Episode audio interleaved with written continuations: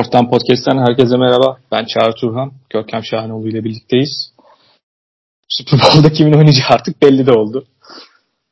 Birkaç sene önce biz kez aslında podcast yaptığımızda o zaman da konuştuğumuz Super Bowl'un katılanları gene bu sefer rövanşa çıkıyorlar 4 sene öncesinin 49ers ve Chiefs.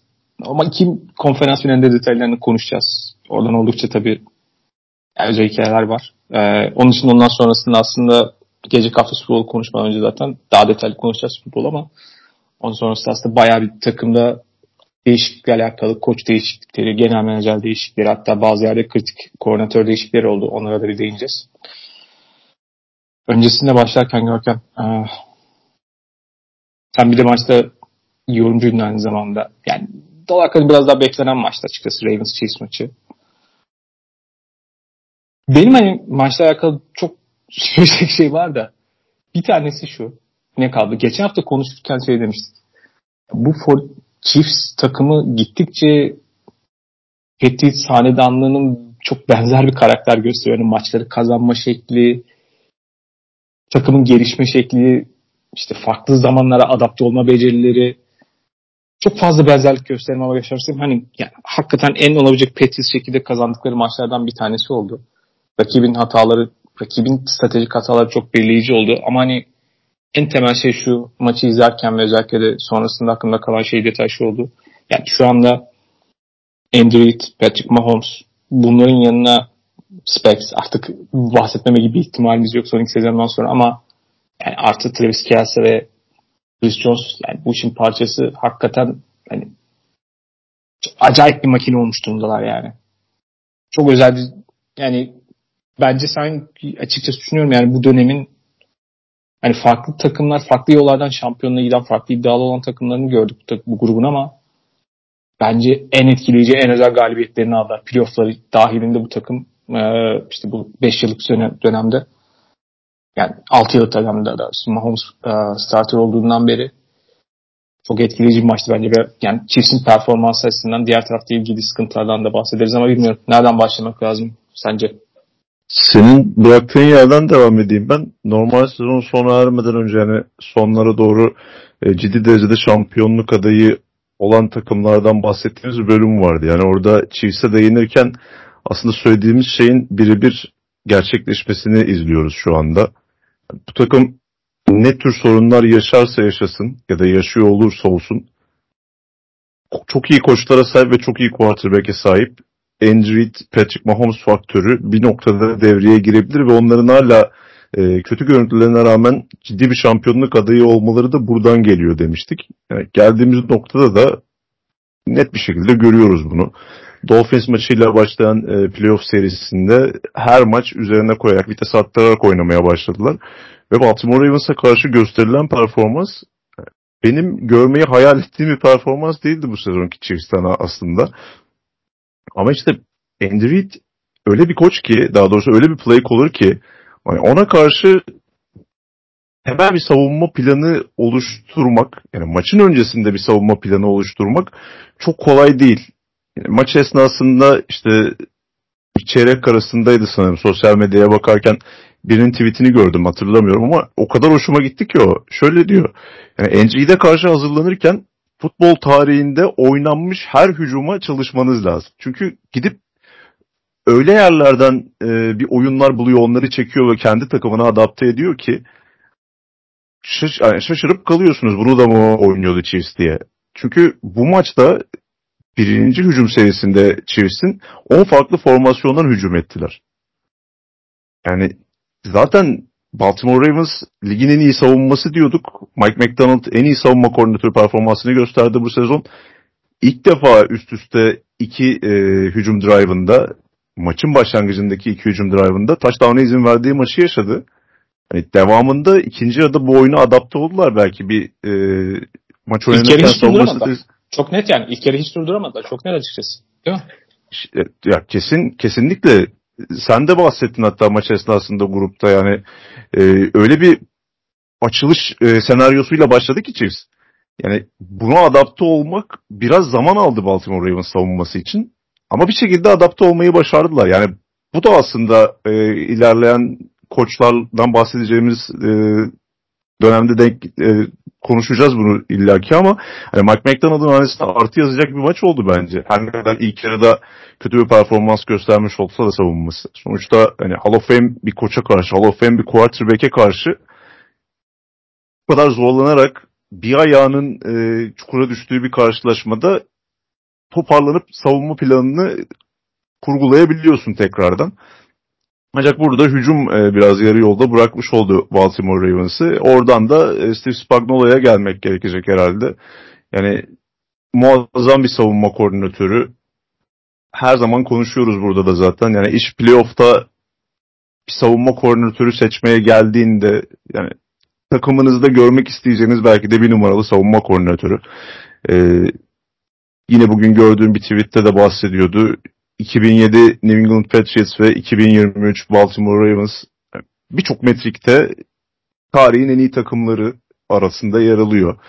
Ee, önceki bölümlerde sen de bahsetmiştin Baltimore Ravens'ın DVOA'ya göre e, sıralamalarından. Yani bu iki takımın da playoff'ta tosladığı savunma koordinatörünün Steve Spagnuolo olması gerçekten bir sürpriz değil. Yine çok akıllıca kurgulanmış e, bir savunma stratejisi ve o kurguyu çok iyi e, uygulayan bir savunma grubu vardı.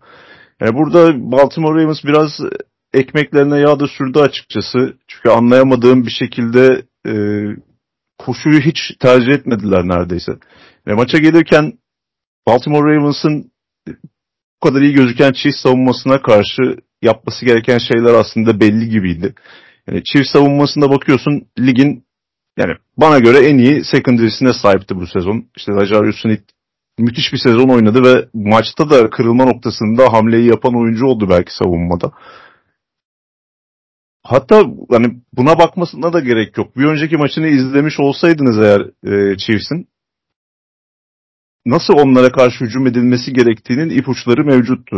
O zaman e, belki e, Buffalo Bills'in hücum sistemi biraz eleştirildi yani çok risk almayan işte biraz e, muhafazakar bir hücum tarzıyla oynuyorlarmış gibi gözüküyordu ama yani çift savunmasına karşı aslında oynanması gereken oyunu oynamıştı Buffalo Bills o maçta. Quarterback koşuları, running back koşuları, tight endlere, running backlere atılan paslar. Yani çünkü derine oynayamıyorsunuz Chiefs'e karşı. Çok iyi bir secondary'e sahipler ve çok iyi bir pas savunmasına sahipler. Olabildiğince hızlı, kısa ve orta mesafeli rotalarda işte tight endlerle, running backlerle sabırlı bir şekilde topu ilerletmeniz lazım. Ama Baltimore Ravens'ın bu maçtaki planına baktık. Yani kim planladıysa bu hücum sistemini, hücum oyun planını ciddi derecede sıkıntılar var. Tadmankını defalarca övdük. Ee, onun da maç içerisinde göstermiş olduğu adaptasyonlar, işte ayarlamalar, takımı yeniden ayağa kaldırması vesaire bunlar sezonun içerisinde gösterdiği şeylerdi ama yani bu maçtaki performansı bence çok kötü. Yani hem Monken hem Lamar Jackson bu sefer Baltimore Ravens'ı yarı yolda bırakan isimler oldu bence. E, böyle bir e, takıma karşı artık hanedanlık kurma noktasına gelmiş bir Kansas City Chiefs ve onun hücumuna karşı ikinci yarıda hiç sayıya izin vermeyen e, bir savunma var. Ama buna karşı hücumda hiçbir şey üretemeyen, üretmeye çalıştığı bazı noktalarda da büyük hatalarla yeniden e, kendini geri düşüren bir Baltimore Ravens hücumu vardı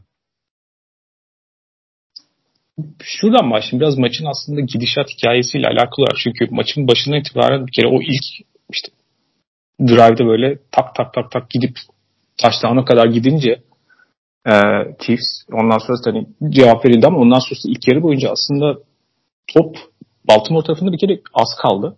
Daha da önemlisi Chiefs yani Chiefs'in hücumuna karşı Baltimore savunmasının en etkili, en ağır basacak aslında bu maç üzerindeki grup olduğunu düşünüyorduk. Onun tamamen zıttı bir senaryo. Şimdi nasıl oluyor diye baktığında şöyle bir şey. Bu seviyede gerçekten o satranç oyunu hakikaten birkaç seviye ötede oynuyor. Yani. Birkaç boyutta oynanıyor. Ve onun yani oyun bazında örneklerini de gördük. Stratejik plan ve planlama açısından da örneklerini gördük yine bu hafta sonunda. Baktığın zaman işte bu takıma karşı Baltimore savunmasına karşı neyi yapmamalıyım? Ve ben eldeki malzemeyle neyi yapabilirim sorusu. Çift tarafından bakınca. Bir kere şunu bakıyor evet ya bu takım canı sıkacak şey bu takım daha iyi olduğu şey bir kere pas savunması. Kesinlikle. Yani koşu görece biraz daha yönetilir. Ama yani koşu dediğin onu da tutamıyorlar falan değil. Yani oraya kaynaklarını aktardıklarında. Doğal olarak hani o kendi standartlarında başladı mesela Baltimore Ravens maçı. Şunu hedefledi sürekli. Bir kere ki offensive line'daki belki en iyi oyuncu Giotini oynamadı maçta. Yani onunla beraber özellikle de yani defensive tackle'ları güçlü olan bir grup daha da ürkütücü hale geliyordu. Offensive line sınırlarını daha da zorlayabilen özellikle işte tahmin edilemezliğiyle gelen birislerle daha doğrusu sıkıntı yaratabilecek bir grup daha da ürkütücü görünüyordu aslında maç öncesinde bakınca. Mesela yine yaptıkları şey bir kere temel şey hiçbir zaman üç ve uzuna kalmamaya çalıştılar mümkün olduğunca. Yani üç ve uzunları oynamak konusundaki başarısı ve hakikaten orada yani Patrick Mahomes kariyerinin en iyi maçlarından bir tanesidir bu. Yani çok net söylüyorum. Özellikle ilk yarı üzerinde. Atılan pasların zorluk seviyesi, zamanlaması yani ilk yarı neredeyse kusursuz oynadı herhalde sanırım. Hani ikinci yarı birkaç şeyden bahsedilir belki ama yani o başka bir hikaye zaten. Cebi hareket ettirerek, cebi sürekli yani sürekli aslında şunu gördük tekrardan. Yani bazen hani biz koçlar veya vesaire bazı tavırlar takım planlamasında niye savunma bazen bu kadar geriye plana atılıyor veya işte bu takım sahiplerinin hücum koordinatörü, play caller fetişi nereden geliyor falan biraz abartılıyor falan diyoruz yani anlıyorsun bazen böyle durumlar böyle maçlarda da şunu görüyorsun yani. Hücumun elinde şu anda güç o kadar yüksek ki savunmaya dikte etme şansı elit savunma, elit hücumlar elit savunmalara dikte ediyor. Elit quarterback'ler, elit play caller'lar en iyi savunmalara karşı bile durum dikte ediyor. Çünkü elinde daha bir, bir tahmin edilemezlik imkanı var. Cebi hareket ettirerek motion'u çok iyi kurarak ki motion'a yani en iyi cevap veren takımlardan biridir aslında normal zamanlarda. Ee, sezon üzerinde belki Ravens ama yani sürekli oraya bir ekstra mesela. Sürekli farklı bahsettiğim formasyonlar çok önemli mesela. Yani farklı personel grupları farklı formasyonlar. Yani sürekli mesela e, shotgun'dan koşular oynadılar. Yani pas görünüyor falan ama hiç umursamadılar. Yani ve o koşunun patlayıcı olması veya işte 15 yard almasını bekleyerek oynamadılar. Sürekli Baltimore Ravens'ı diken üstünde tutarak onların hakikaten o e, e, head of the sticks falan yani, yani sürekli hiçbir zaman o şey planın gerisi kalmayarak böyle üç uzuna kalmadan 3 yard oluyor, 4 yard oluyor, 3 yard oluyor, 5 yard oluyor ama sürekli kısa da olsa her pozisyonda işte bir şekilde bir pası tamamlayarak, basit de olsa bir pası tamamlayarak, koşu yaparak yani özellikle Isaac Pacheco'nun ilk yarıdaki oyunu çok çok önemliydi yani. Çünkü o çıkınca oradan patlayıcılıktan bir şey üretme şansı çok azalıyor diye hakikaten o çıkıp işte Clyde sıraya gidince mesela o anlarda görüyorsun. Ve sürekli olarak diken üstüne tuttular. Ve Patrick Mahomes yani o işte ilk hakları tekrardan çevirerek bazı zor paslar atarak işte Travis Kelsey attığı taş tampasındaki ayarlamalar, detaylar falan bambaşka muazzam seviyede zaten. Bunları yaparak bir şekilde sürekli aslında Baltimore Ravens'ın daha güçlü olduğu taraftan işte üç uzuna kalmadan bu fırsatları onlara vermemek ve hücumu dikte etmesiyle bir şekilde ilk geriyi götürdüler yani açıkçası. Ve üstünlük sağladılar orada. Ve bunu yaparken de hani oyun planında işte Andy Reid'in ilk 15 oyunluk işte açılış senaryosu falan zaten ünlüdür bahsettiğim gibi. Orada muazzam bir iş verdi. Onlar işte ayarlamaları yapana kadar biraz vakit geçti diğer tarafta. Çünkü tamamen anlayan kadar çünkü bambaşka şeyler sundular yani. Ve bazen bir oyunda gösterdiği mesela bazı şeylere karşı tavırların o satranç oynama becerisi orada çıkıyor yani. Ha ben bu oyunu ve bu konsepti bunlar bu şekilde savundu. Burada risk aldılar linebacker'lar. Tamam o zaman ben bu sefer diğer tarafa atacağım falan gibi. Bu ayarlamaları da yaparlar içerisinde yani. Detaylarda öyle şeyler de var tabii ki. Bunu yaparken bir de bu oyun oynama noktasında e, yani geçen sezon aslında bu takım bu değişimi yaşaması gerekmişti. Yani daha patlayıcı, derine giden pas oyuncusundan, hani Hill'in daha sembol olduğu oyundan sonra daha sürdürülebilir, daha verimlilik odaklı, daha az hata yapması ve hata ya, daha hata yapması gereken hata marjının daha az olduğu verimlilik odaklı oyunda Patrick Mahomes'un geçen sezonki değişimi ve uyum sağlamasını konuşuyorduk. Onun daha da üst seviyede bir örnek. Çünkü eldeki grup yani oyuncu grubunun yani bu receiver grubundan bunu yaratması çok etkileyici. Ve bu arada Travis Kelsey'den de bahsettim. Yani sezonu görece biz hani start, kendi standartlarında vasat sezon geçirdi falan diyoruz da ya dünkü oynadığı oyun Travis Kelsey'nin daha etkileyici bir maç olmayabilir açıkçası. Hatırlamıyorum yani. Maçın hani istatistik olarak falan daha şeyler falan bulunur da ya 17 sayı atıyorsun. Beklenen sayı yani Kelsey'nin gelişmiş istatistiklerdeki beklenen sayı e, rakamı 14 falan. O kadar zor pasları tuttu. işte sürekli ilk hakları aldı. Patlayıcı hücumlarda çıktı. Hani gerçekten çok güzel performans gösterdi. Hani o yüzden bu grubun çok güzel performanslarından bir tanesi derken hani böyle detayları da var bir işin içerisinde. İşin o tarafı bence o çok önemliydi. Yani hücum tarafından aslında hiçbir zaman Baltimore'un dikte etmesine mümkün olmadan izin vermeden hücumun ön planda kalması çıkarak bir şekilde aslında Baltimore'un güçlü tarafını alıp biraz onları psikolojik olarak da baskı altına alan biraz paniğe sevk eden şeyleri yapmayabilirler. O hakikaten şey istiyordu. Ya bu şey maçın ilk yarısını izlerken tamamen şey hissettim. Maç çok keyif aldım bu arada ilk yarıdan özellikle ama ya bu tam şey işte Patriots reçetesi bu. Yıllarca bu şekilde kazandılar bu maçlar. Yani siz bir noktada kendi düzeninizden çıkarıp kendi rahat olduğunuz şeylerin dışına çıkarma noktası ve orada belki Mike McDonald'ın ikinci yarıdaki değişiklikleri adapte olmasıyla alakalı çok şey gene alkışlamak gerekiyor kesinlikle. Yani o bu satranç oyununda Todd Monken'la kıyasla çok daha işin içinde kalan ve başarılı performans gösteren görece o oldu. Baltimore tarafındaki yani iyi şeylerden bir tanesi oydu. Onun yaptığı en önemli şey de şuydu. Bence oradaki belki önemli şey değil ama daha doğrusu şöyle söyleyeyim. Belki şu yapılsa belki biraz daha iyi olur. Maça başlarken kendi aslında Baltimore'un genel düzeninde biraz daha pasif görünerek aslında pas savunması tarafında arkadaki coverage'da bazı riskleri alarak işte top kaybına zorlamayı falan daha çok tercih ediyorlar takımlar. Bu seviyedeki takımlara karşı, bu seviyedeki quarterbacklere karşı top kaybını zorlamaktan çok ki bunu en iyi de Cincinnati yapıyor. Doğan Norma yapıyor. Onların Chiefs'e karşı başarılı performansları son yıllarda göstermemin sebeplerinden o. Sürekli opsiyonları iyice daraltarak çok daha gittikçe, gittikçe daha zor paslara, daha zor şeyleri, seçenekleri zorlayarak hata marjini arttırmaya çalışıyorlar bu tarafta. Ve ikinci yer aslında hakikaten o vidaları sıkarak, işte kavurucu daha sıkı sağlayarak, bazı yerlerde daha doğru işte yardımları falan getirerek opsiyonları daralttılar. Maçın başında bunu belki yapmadıkları için oradan aslında yani o pasın anında çıkma zamanı, planlaması detayı falan hani kontrolün hala mümkün olduğunca biraz da belki top kaybı. Yani çünkü Patrick Mahomes belli bugün top kaybı yapmayacak yani. Tam Tom Brady performansı gibiydi. O fırsatı onlara verme, vermemek belki gerekebilirdi. Bilmiyorum. Hani şu an o kadar hani ucundan seçerek böyle bir şey bahane bulmaya çalışıyorum ki bir yandan. Hani bunların hepsi faktör oldu. Diğer tarafta savunmaya geçerken şöyle bir pas atayım sana. Bence maç dönüşü bahsettiğin işte Spags'in 2007 New England takımı yani tarihin belki en iyi hücum performansı göstermiş takımından bahsediyoruz. Onunla beraber bu takımda durdurmuş olmasıyla alakalı olarak. Geçen hafta işte ben çok etkileyici bulmuştum. Çünkü bence geçen haftaki planda şuydu vardı. Buffalo'ya karşı onu konuşmuştuk zaten. Planlayarak aslında koşu oyununu, Buffalo'nun koşu oyunu iyi gözükmekle beraber onu planlayarak risk etti. Yani onların patlayıcı pas oyunu oynamasına izin vermeyerek onları rahat kendi yani en rahat oldukları kazanmak istedikleri yönteme izin vermeme mekanizması vardı. Ve onu yaparak aslında biraz tuzağa düşüyorsun. Çünkü senin en özel yaptığın şeyi aslında biraz daha yapabilmek de gerekiyor. Geçen hafta Buffalo kendi şahslarından beklenmeyecek seviyede hem iyi uygulama yaptı kendi ana planında olmayan oyunda hem de beklemediğimiz kadar hatası oynadı maçın büyük kısmında. Ama maçın sonunda başka bir şey dönüştüğünde çünkü dördüncü çeyrekte başka şeyleri çıkarıp masaya koydu Specs. Ritim bulamadılar ve işte orada bir iki hatalar geldi falan. Kaybettiler bir şekilde. Zaten bu seviyede o ince şey e, çizginin diğer tarafındaki şeyler küçük marjları falan kovalıyorsunuz. Bu maçta da ana plan neyse yani onları ana özelliği yapan şey bahsettiğin koşu yani koşuyu kullanmama noktası şu sıkıntı. Baltimore hani başka bir sürü şey yapabiliyor ama yapmayı sevdiği alışkanlığında olan iki tane şey var. Bir, koşmaları gerektiğinde belki çok patlayıcı koşamıyorlar ama istikrarlı olarak işte sürekli 7 yard 8 yard doğrudan ortadan yani hani e, outside zone koşularını belki olabilir ama hakikaten ileri doğru giderken Gasedos'la beraber hani onları yapabilen bir takım. 7 yard 8 yard vesaire falan. Bunları bırakacak şekilde hem orayı kapatarak bir de sahanın ortasındaki özellikle orta bölümünü kullanma noktasında hani bir e, çabası var. Öncelik tercih noktası bu takımın pas oyunda.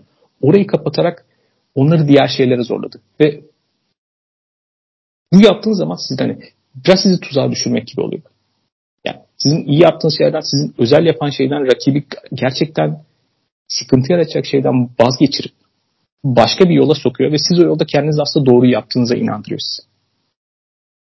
Yani diğer işte biraz aslında mesela ilk e, daha doğrusu tek touchdown'u bulduğu desa drive atınca biraz koştular. Mesela Lamar'ın Lamar Jackson'ın ayaklarını kullanmamayı mesela maçta hiç anlayamıyorum. Koşuyu bu kadar bırakmakla beraber. Çünkü koşu oyunu bu takımın geri kalan bir sürü şeyini aslında temelini güçlendiren şey. Yani koşu oyunun üzerine geri kalan her şeyi açabiliyor bu takım.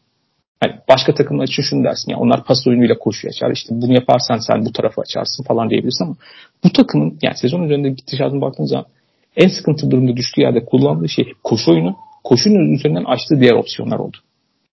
Ve bu takım koşuyu bıraktı.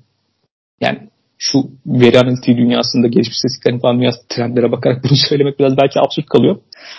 Gerçekten öyle oldu.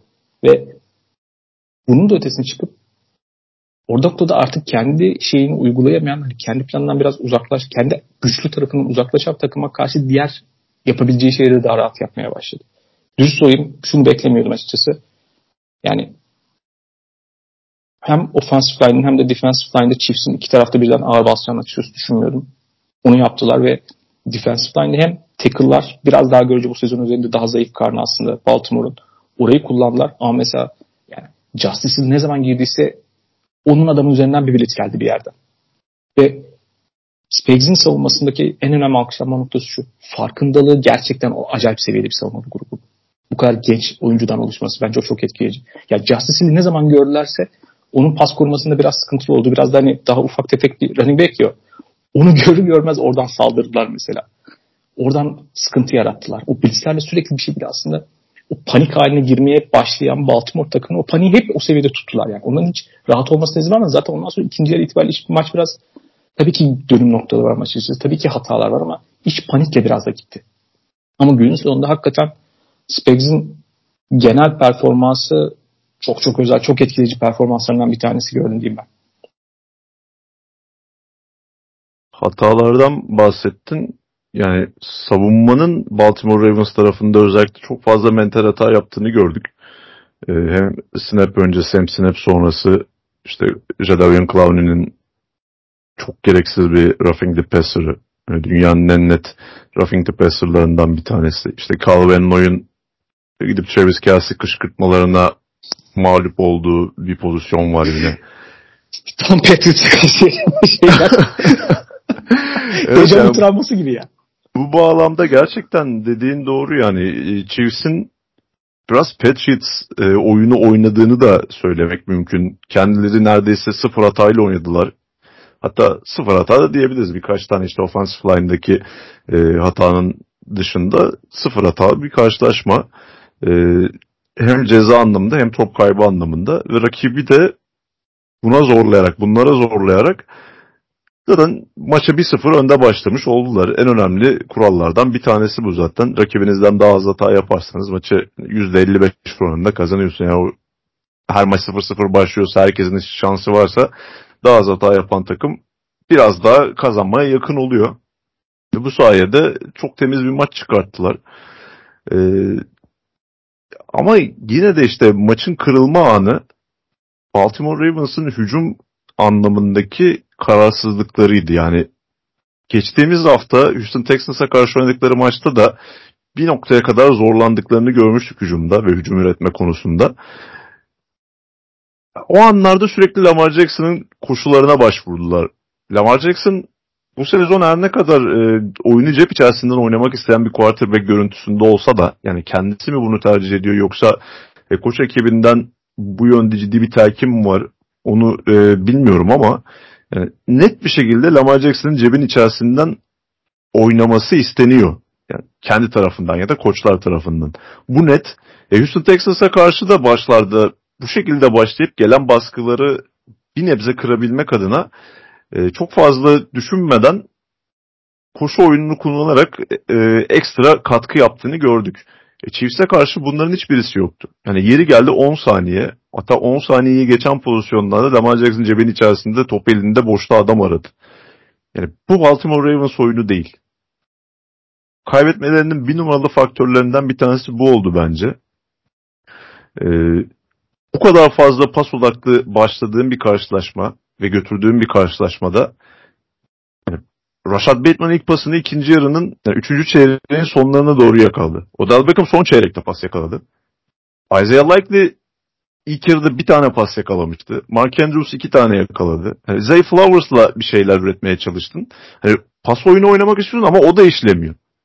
Ve maçın büyük bölümünde fark da öyle absürt derecelerde açılmamışken yani hiç koşmanımanın mantığını ben çözebilmiş değilim Ravens adına.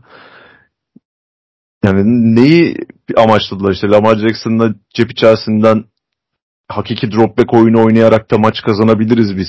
Hatta playoff maçı kazanır Super Bowl'a gideriz mi kanıtlamak için oynadılar bu maçı. Anlamış değilim. Yani çünkü Chiefs tarafı hani pas savunması çok iyi bir takım. Ve bunun bir e, sonucu olarak aslında zaman zaman koşuyu riske etmek durumunda da kalan bir takım. Ve koşudaki e, ana planı öndeki iri oyuncularıyla iyi tackle yapan oyuncularıyla e, koşuyu durdurabilmek. Yani özellikle ben koşuyu durdurayım işte onun için baksa adam yiyeyim, yığayım derdi olan bir takım değil Chiefs. Sezon genelinde böyleydi. Ve bu maçta koşuyu durdurma alanında en kritik iki tane oyuncusu da oynamadı. Defensive tackle Derek Nady, linebacker Willie Gay. Yani maçtan önce herkes konuştu. Yani biz de burada konuştuk. Willie Gay bu takımın quarterback spayı. O olmazsa Lamar Jackson'a karşı çok zorlanabilirler. İşte Josh Allen'ın koşuları ne kadar zor durumda bıraktı. Lamar Jackson Josh Allen'ın iki katı daha iyi koşucu. Yani buradan bir avantaj çıkartabilirler. Ama bunların hiçbirisini görmemiş olmamız çok çok enteresan. Yani komplo teorileri çok, çok havalarda uçuşuyor ya. ya. Sanki böyle Chiefs maçı kazansın da Super Bowl'a gitsin diye özel bir çaba harcanmış gibi yani kasten aslında. yani tabii bunu şey... inanarak söylemiyorum. İşin makarası da. Ama yani görüntü o. Öte yandan e, şunu da gördük bence. E, Baltimore Ravens savunmasının bu sezon mevcut kullandığı sistemle en korkutucu gözüken hücum takımlarına karşı ezici üstünlüğü vardı. İşte Shanahan ekolünden gelen koçlara karşı. E, maçtan önce şunu biliyorduk yani Andy Reid bir Shanahan ekolü koçu değil. Ve Patrick Mahomes da bir Shanahan quarterback'i değil. Yani bu sistem her ne kadar kusursuz gözükürse gözüksün, savunma sisteminden bahsediyorum. Hücum sistemlerini manipüle etme konusunda başarılı ama iş elit quarterback'i manipüle etmeye geldiği zaman aynı derecede başarılı olamadığını gördük. Çünkü Patrick Mahomes artık yani kariyerinin şu noktasında hiç olmadığı kadar quarterback tanımının e, içini dolduran bir oyuncuya dönüşmüş durumda. İşte snap öncesi oyun okuması, işte protection'ları ayarlaması, nasıl söyleyeyim savunmanın özellikle quarterbacklerin aklını karıştırmak için girdiği aksiyonları işte çeşitli disguise'ları yememesi ve her durumda sakinliğini korunması yani, takdire şayan bir performanstı gerçekten. E, bu savunmanın Baltimore Ravens savunmasının bu sezon yarattığı fark başta quarterbackler olmak üzere e, offensive line'ların üzerine yüklediği stres ve onları hata yapmaya zorlamasıydı. Chiefs offensive line'ı bu sezon özellikle tackle bakımından biraz alarm verir bir sezon geçirmiş olmasına rağmen hiç o tuzağa düşmediler. Yani bunda Patrick Mahomes'un payı da çok büyük. Çünkü direkt quarterback'ten etkileniyor offensive line'da. Yani Mahomes'un şu performansı senin de söylediğin gibi yani kariyerinin iyi performanslarından birisi onlar arasına girilecek bir performans. Hatta ilk çeyrekte pas kaçırmadı yani isabetsiz pası yok. 11'de 11 86 yok. 10'da 10 86 yard 8.6 pas başına yard. Yani muazzam bir e, oyun başlangıcı. Bir daha da zaten hiç yaklaştırmadılar. İşin hayal kırıklığı noktasında hani bir tane kısmı şey mesela bahsettiğin cezalar gibi hatalar işte. Tabii ki Zay Flowers'ın o Hamza sebebi olan şey gibi yani bazı hakikaten şans tarafı falan var. Yani işit kötü şeyler sizi arka arkaya buluyor. Mesela işte orada aldığı mesela işte taunting cezası veya maçın işte daha sonrasında alınan bazı kötü cezalar falan. Bir şekilde orada mente olarak buraya hazır olmamakla alakalı kötü sinyaller verdi bir kere Baltimore Ravens. Bu biraz hayal kırıklığıydı. İşin bir kısmını tecrübeli kısmını anlayabilirim yani. Bu grup hani baktığın zaman evet yani 5 sene önceki takımdan alakası yok yani hakikaten pek çok parçası olarak yeni bir şekilde burada hakikaten iddialar yok. PO seviyesinde iddia olan bir takım. İşte baktığı zaman hani koordinatörler de öyle yani. Ama hayal kırıklığının bir noktası bence Can Harbaugh. Yani takımın orada sakin kalamaması, paniklemesi. İkinci yarı komple panik halindeydi yani özellikle. Mesela hani ilk yarıdaki şeyi anlıyorum. Mesela tuzağa düştün işte o derin pasları falan kovaladın, dış pasları falan kovaladın. Biraz tuzağa düştün. Kendi asıl yapman gereken şeyden koptun. Ki o ana planı kurgulama noktasında hani o plana nasıl onay verdi Can Arbo bence sorulması gerekenlerden bir tanesi o. Diğer tarafta ikinci yarıda mesela o panik haline müdahale edilemedi. Ve kötü hatalar arka arkaya geldi. Ve maç sürekli bir taştan sınırında gitti yani. 10 sayı 10 sayıydı sonra da maç işte 7 sayı yendi zaten. Hani maç sürekli orada gitti yani. Hani kop kopan giden maç yok yani bahsettiğin gibi. O çok acayip ve Padmark'ın tarafındaki aykırılığı şu. Bu seviyede hakikaten en iyi seviyede en iyi işte satranç oyuncuları arasında fark eden nokta şu. Kendi normal bir oyun planı ötesinde rakibin senden ne isteyeceğini, ben seni neyi nasıl tuzağa düşürmeye çalışacağını bilmem ve onlara göre adapte olman falan gerekiyor. Şimdi Mike McDonald buna adapte oldu. Yani bazı pozisyonlarda işte e, soktu. Blitz yapacak gibi gösteren onu adapte olan adama başka yerden Blitz'i gönderdi. Başka şeyler sundu falan. İkinci yarı adapte oldu mesela. Veya oyun planı itibariyle. Ama Tadman'ın hani koşuyu bırakması başka bir şey. Mesela Lamar Jackson'ın koşması akıllı gibi değil. Çünkü şunu anlıyorum. Normal sezonda oyuncuyu korumak adına. Çünkü Patrick Mahomes onu yapıyor mesela artık. Çok iyi bir şekilde. Joe Burrow da onu yapıyor artık. Öyle bir çok iyi bir şekilde. Ama kritik maçlarda, önemli maçın işte dördüncü çeyreğinde, özellikle de playoff'ta orada artık bırakıyorlar ve o çünkü oyuncunun o savunmalarının seviyesi arttıkça mobilitesiyle beraber daha fazlasını yapabilen quarterback'in önemi yüksek. Git. Çünkü onu savunmakta zorlanıyor. Ve onu savunma noktası çok da iyi bir takım değil aslında. Yani o da odaklanma noktasında. Onu yapmadılar. Yani onu anlamakta güçlük çekiyorum çünkü yani hani maçın başındaki belki planı buydu. Bir drive, iki drive vesaire neyse falan. Ondan sonra artık yani daha önemli maç var hayatınızda. Yani. Hayatınızın en önemli maçına çıkıyorsunuz. Hani artık her şeyi kullanmak gerekiyor. Onu kullanmamaları akıl alır gibi değil. Panik halinde o zor pasta çünkü şu var. Nasıl savunma tarafında siz hakikaten aslında maçın başındaki Ravens tarafında gerçekten quarterback'e karşı o pes taşı gönderebilmek için o pes taş hakkını kazanmanız gerekiyor. O ilk iki down'ı nasıl oynadığınız, koşuyu nasıl durdurduğunuz önemli oluyor. Hücum tarafında o derin pasları çünkü seviyor Baltimore Ravens. O patlayıcı pas oyunu, derin pasları dışlara veya derin o go ball'ları seviyorlar. Onları atabilmeniz için o savunmayı biraz çekmeniz lazım. Mesela bahsettiğim ilk, daha doğrusu tek touchdownlarında aslında kısmen onu yaptılar. Çünkü o riski kullandılar. Onları yapmadan öbür şeyin normalden sanki panik halde çalışmasını beklemek çok anlamsızdı. Ve bir şekilde maça adapte olmaması, Spags'in tuzaklarına çok net bir şekilde sürekli düşünmesi, işte kritik pek çok yerde yani kötü tercihler de var. Kötü oyun tercihleri var yani kritik noktalarda. Yani bazı yerde yani anlamsız running back'e pas atıyorsun. Yerde uzak yerlere falan yani fonksiyon yok yani bazı yerdeki tercihler. Yani bazenlerde hakikaten kötü tercihler de vardı çok. Drive'ları baltalayan seviyede. Chris Jones falan da iki tane galiba kendi drive baltaladı. Ayrı bir performans yani. o da çok iyiydi yani. Niye şeyi anlıyorsun yani. Bu adama kontrat vermeme kararını bence tekrardan sorgulaması gerekiyor Bradley için falan. Yani o da elit seviyede oyuncuların elit anlarda ortaya, özel anlarda ortaya çıkması görüntüsü vardı. Yani Todd Monken bu şeyi bu planı nasıl uyguladı? Plana nasıl devam etti?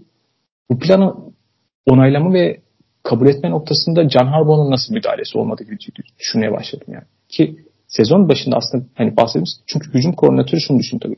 Ben yapabildiğim kadar işte sayı atayım, güzel oyunlar oynayayım vesaire falan. Ama tüm maçın planında bir stratejide bir yere oturtmak gerekiyor. Yani maç kazanma planıyla göre, rakibe göre adapte olma noktasında. Can Harbaugh'un gerektiği yerlerde dokunarak o planı makulleştirecek, gerekli optimizasyonları yapabilecek tecrübeye sahip olduğundan, bir koç olduğundan bahsediyor. Olmadı. Mesela o bir hayal kırıklığı bir noktada yani. Bunları görmemek sıkıntı. Ee, ve gün sonunda şunu üzüyorum. Yani Chiefs'le alakalı şeyi çok takdir etmekle beraber çok daha yani saygı olarak da gözünde hakikaten başka bir seviyede işler bu sezon playoff performansıyla ama Baltimore Ravens hakikaten izlemesi çok keyifli. Özel detaylarda çok iyi şeyi çok özel yapan hakikaten aklında çok kalacak bir takımdı. Onların belki sezonu kazanmış olması yani belki şampiyon olmaları güzel bir hikaye olacaktı. O olmadı ama Lamar Jackson hani performans kötü, kararları kötü falan bir sürü şey ters. Yani e, kötü kararlar da verdi, kötü paslar da attı falan hani başka şeyler var. Ama onun adına da üzgünüm yani çünkü hani sevdiğim özel bir oyuncudur. Çok yazık oldu bir yandan Baltimore'un bu sezonuna ama Chiefs konusunda şunu söylemek lazım yani tekrardan çok çok etkileyici performans genel anlamda maçı e, istediği akıl oyunlarına dikte edebilme anlamında değil.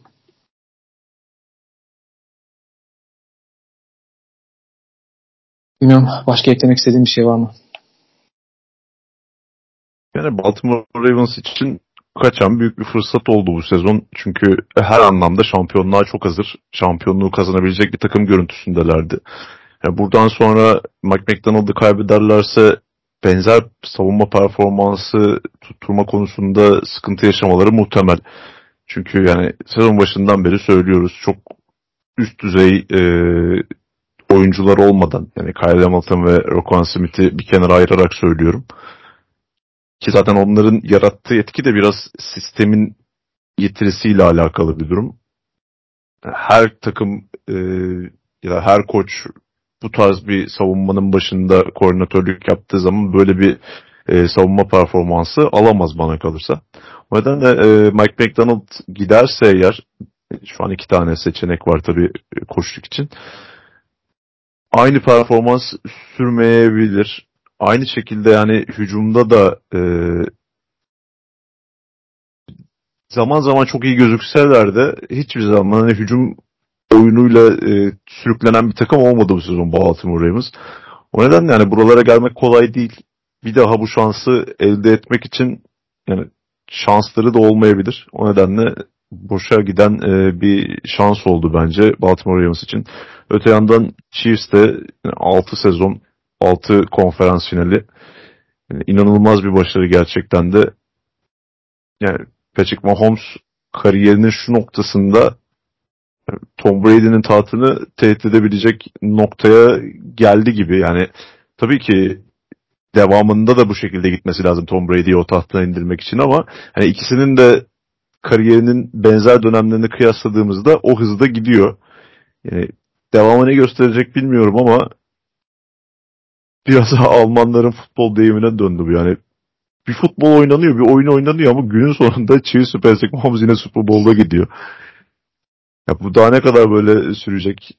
AFC çok e, kuvvetli oldu diyoruz. İşte çok iyi quarterback'ler var. Yani çok kaliteli takımlar var. Ama yine günün sonunda Patrick Mahomes oradan çıkan quarterback oluyor. Ya bu hiyerarşide onu tehdit edebilecek bir quarterback ya da bir takım çıkacak mı? Bu da önümüzdeki yıllarda keyifle takip edilecek bir konu olacak. Hakikaten Rams tarafından hani pek çok oyuncuların gelecek yılda olmayabilir yani. Hani bir de öyle bir risk var. Yani çok böyle tek yıllık kontratı olan bir sürü oyuncu var. Bazı oyuncuların kontrat dönemi geldi. Yani aynı kadroyu korumalar da zor. Düşünce o da kötü bir şey. Diğer taraftan hakikaten e, bu arada yani şey konuşuyor işte Taylor Swift Super olacak mı olmayacak mı işte bir gün önce Japonya'da konseri falan varmış diye. Herkes Amerika'da bilmiyorsa da farkında değilse de herkes Japonya ile gerçek yani aynı gün içerisindeki saat farkından detaylarına kadar her şeyi öğren öğrenecek Amerika önümüzdeki iki hafta boyunca. Neyse. O zaman şeye geçelim. Diğer tarafa. Yani Detroit Lions'ın harcadığı fırsatın çok büyük olduğu aşikar. Çünkü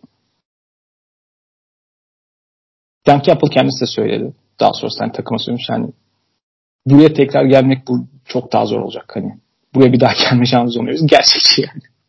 Her zaman buralara gelen ve yakından geçen takımlar şey diye düşünür. Ya, yakındık bir daha geliriz. Aklımda orada her zaman şey vardır. Dan Marino. Seneye daha güçlü geleceğiz. Evet, her zaman Dan Marino vardır işte. Çok gençken o Super Bowl oynadı bir daha görmedi yani.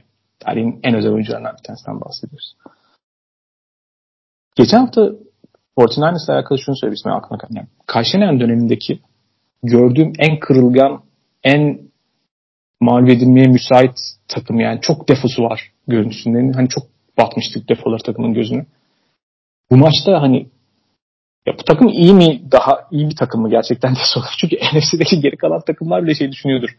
Hani, ki sezonu çok kötü bir şekilde kapatan aslında Cowboys ve Eagles bile yani hakikaten 49ers'da bir şey değilmiş falan diye düşünüyordu. Çünkü daha da kırılgan gördüler. Geçen hafta Packers'ın kaçırdığından daha da büyük bir fırsat kaçtı. Detroit Lions adına. Ee, nereden başlamak lazım sence? Sezonun ortalarındaki bu form durumunu ve korkutuculuğunu düşündüğünde San Francisco 49ers'ın playofflarda Packers ve Lions'a karşı şu durumlara düşebileceğini hayal edebilir miydin yani? Ben kesinlikle hayal edemezdim. Bu bile 49ers'ın defolarının ne derece ciddi olduğunu gösteren bir durumdu. Yani maçtan önce konuştuğumuz gibi aslında Detroit Lions yapması gereken her şeyi yaptı ve bir noktaya kadar çok da doğru yaptı. Erken bir şekilde öne geçtiler. Farkı arttırdılar. E, koşu oyununu kullanıp e, koşu oyunu savunma konusundaki 49ers'ın zaaflarını çok iyi kullandılar. Yani Packers bunları göstermişti zaten. Hatta Packers'ın oynadığı bazı koşu oyunlarının birebir aynısını oynadı Detroit Lions. Özellikle Chase Young'ın üzerine koştukları oyunlar. E, wide receiver'larla Chase Young'ı bloklamaları, Chase Young'ın o koşu savunması defolarını ortaya çıkartacak tarzda oyunlar. Yani her şey o kadar yolunda gidiyordu ki Detroit Lions adına. Yani içinizde bir şey bunun doğru olmadığını söylüyordu aslında. Yani bu kadar mükemmel olamaz her şey Detroit Lions için ya da San Francisco 49ers kendi evinde bu kadar aciz duruma düşemez. E, ben şey geldi sonra her şey çok erken çok iyi gözüküyor. çok erken. evet şeydir ya filmlerde de klasik işte ilk önce ana karakter birkaç yumruk yer. Ondan sonra ortak olur şey yapar. Yani San Francisco 49ers'ın olayı biraz öyle oldu ama yani Detroit Lions bu maçı kazanacaksa eğer bu kadar rahat kazanmamalı düşüncesi içime doğmuştu benim. Yani her şey çok mükemmel gidiyor dediğim gibi. Koşu oyunu muazzam bir şekilde işliyordu. Yani durdurabilmek için hiçbir şey yapamadı San Francisco 49ers özellikle ilk yarıda. Ee, savunma beklediğimden çok daha iyi bir performansla başladı. Ee, hem koşuyu savunma noktasında hem de e, Purdy'yi baskı altına alma noktasında yani skorun da biraz getirmiş olduğu avantajla. Ama e, işler bir noktadan sonra çığırından çıktı ve o talihsiz olaylar e, serisi başladı diyeyim. Bu da e, maçtan sonra Dan Campbell'ın en çok eleştirildiği noktaya getiriyor bizi aslında. E, üçüncü çeyrekteki oynadığı dördüncü hak. Ondan sonra bir tane daha oynadı. Yani bu iki dördüncü hak kararı biraz maçın hikayesinin önüne geçmiş durumda. Yani buradaki benim düşüncem şu e, ikinci oynadığı dördüncü hak kararı 4 ve 3 de o sanırım. Oynanması gereken bir e, dördüncü haktı. Çünkü orada 3 sayı geridesin. Hani analitik yaklaşımla da baktığın zaman orada zaten oynaman gerekiyor sando noktasında. 3 sayı 7 sayı hani maçı kazanmak istiyorsan 7 sayıya gitmen gerekiyor. Ancak ilk oynadıkları dördüncü hakla alakalı ciddi derecede sıkıntılarım var benim. Çünkü tüm e, durumu düşündüğün zaman iki skor farklı öndesin ve orada bir alan golüyle farkı 3 skora çıkartma şansın var. Hani touchdown'a gitsen de aynı şekilde olacak. Ama touchdown'a gidememe ihtimalim var. Hani burada her şekilde farkı 3 skora çıkartmayı kabul etmesi gerekiyor Dan Campbell'ın. Hani daha fazla farkı açayım durumunun hani bir mantığı yok bana kalırsa. E tabi 49ers gibi bir takımla oynuyorsun. Olabildiğince skor üretmen gerekiyor. Bu yaklaşımı anlıyorum ama e, devamında gerçekleşen olaylara baktığımız zaman burada bir domino etkisinden de e, söz etmek mümkün. Yani bu etkiyi yaratan tercih %100. oldu. Yüzde Buradaki karar. Tribünlerin, tribünlerin sesini var ya öyle bir açtı ki o olaylardan sonra arka arkaya gelen birkaç dakika var. Ben maçı izlerken düşünüyorum yani tribünler tamamen devreye girdi. Maçın tüm şekli değişti momentum anlamda. Kritik nokta bahsettiğim. Momentum belirleyici bir nokta olduğu karar. Hani doğru yanlışını detaylısı. Ve sonrasında Twitter'da bir şey gördüm. O inanılmaz komik. Çok doğru Detroit Lions'ın makus talihiyle alakalı. Tanrı'nın bir takımı canlı olarak yarı yolda bırakmasının ne olduğunu izliyoruz diye. öyle bir olay oldu. Ger- gerçekten de öyle oldu. Yani taraftarın oyuna girme olayı da çok doğru. Yani oradaki bir başarısız oyun çünkü Fortnite son noktaya kadar başarılı bir oyun oynamakta zorlanıyor. Yani bir tane kıvılcıma ihtiyaçları var ve sen orada o riski gereksiz bir şekilde alıyorsun bence. Yani dediğim gibi 7 sayıyla 3 sayı arasında neredeyse hiçbir fark yok. Zaten sonra e, Next Gen Stats'in galibiyet yüzdesi oranına da bakıldığında yani orada alan golü vurmak da touchdown'a gitmek arasında yani bir puanlık bir fark oynuyor. Yani senin maçı kazanıp kaybetmeni e, daha sonra 3 sayı gerideyken oynadığın dördüncü hak kadar etkileyen bir durum da yok. Yani burada en önemlisi başarılı oyunu gerçekleştirip momentumu kendi tarafında tutmak olacaktı. Çünkü Amerikan futbolu gerçekten bir momentum oyunu. Yani bir kere kaybettiğin zaman onun etkisi kar topu etkisine dönüşüyor ve her şey üst üste geliyor. Detroit Lions'ın birebir bunu bize tanıklık ettirdiğini gördük yani bu maçta. O dördüncü hakkı oynamadın. 49ers topu kazandı. Taraftar işin içine girdi. Devamında çok alakasız bir pas. Gitti işte interception olacakken adamın face maskinden sekti. Brandon Ayuk yakaladı. Direkt touchdown pozisyonuna soktu seni. 49ers touchdown'u üretti. Maç ortak oldu. Devamında bir hemen ilk oyunda fumble. Bir kez daha topu kazandılar. Bir kez daha touchdown yaptılar. Geçmiş olsun. Maç gitti yani. Momentum öyle bir şekilde değişti ki ve e, o kadar katlana katlana 49ers arkasında geçti ki yani bu saatten sonra Detroit Lions yani maçı kazanmak için bir mucizeye ihtiyacı vardı artık. E, nitekim o mucize de gerçekleşmedi. Yani bu konuda şu yorumlar çok e, yapılıyor. İşte Dan Campbell e, bu şekilde bir koç. Bu onun karakterinde var. İşte buraya kadar bu cesur kararları sayesinde geldiler. Yani böyle karakter olmayacak kardeşim. Yani biraz akıllı davranması gerekiyor koçların bu noktada. Yani anlayabiliyorum.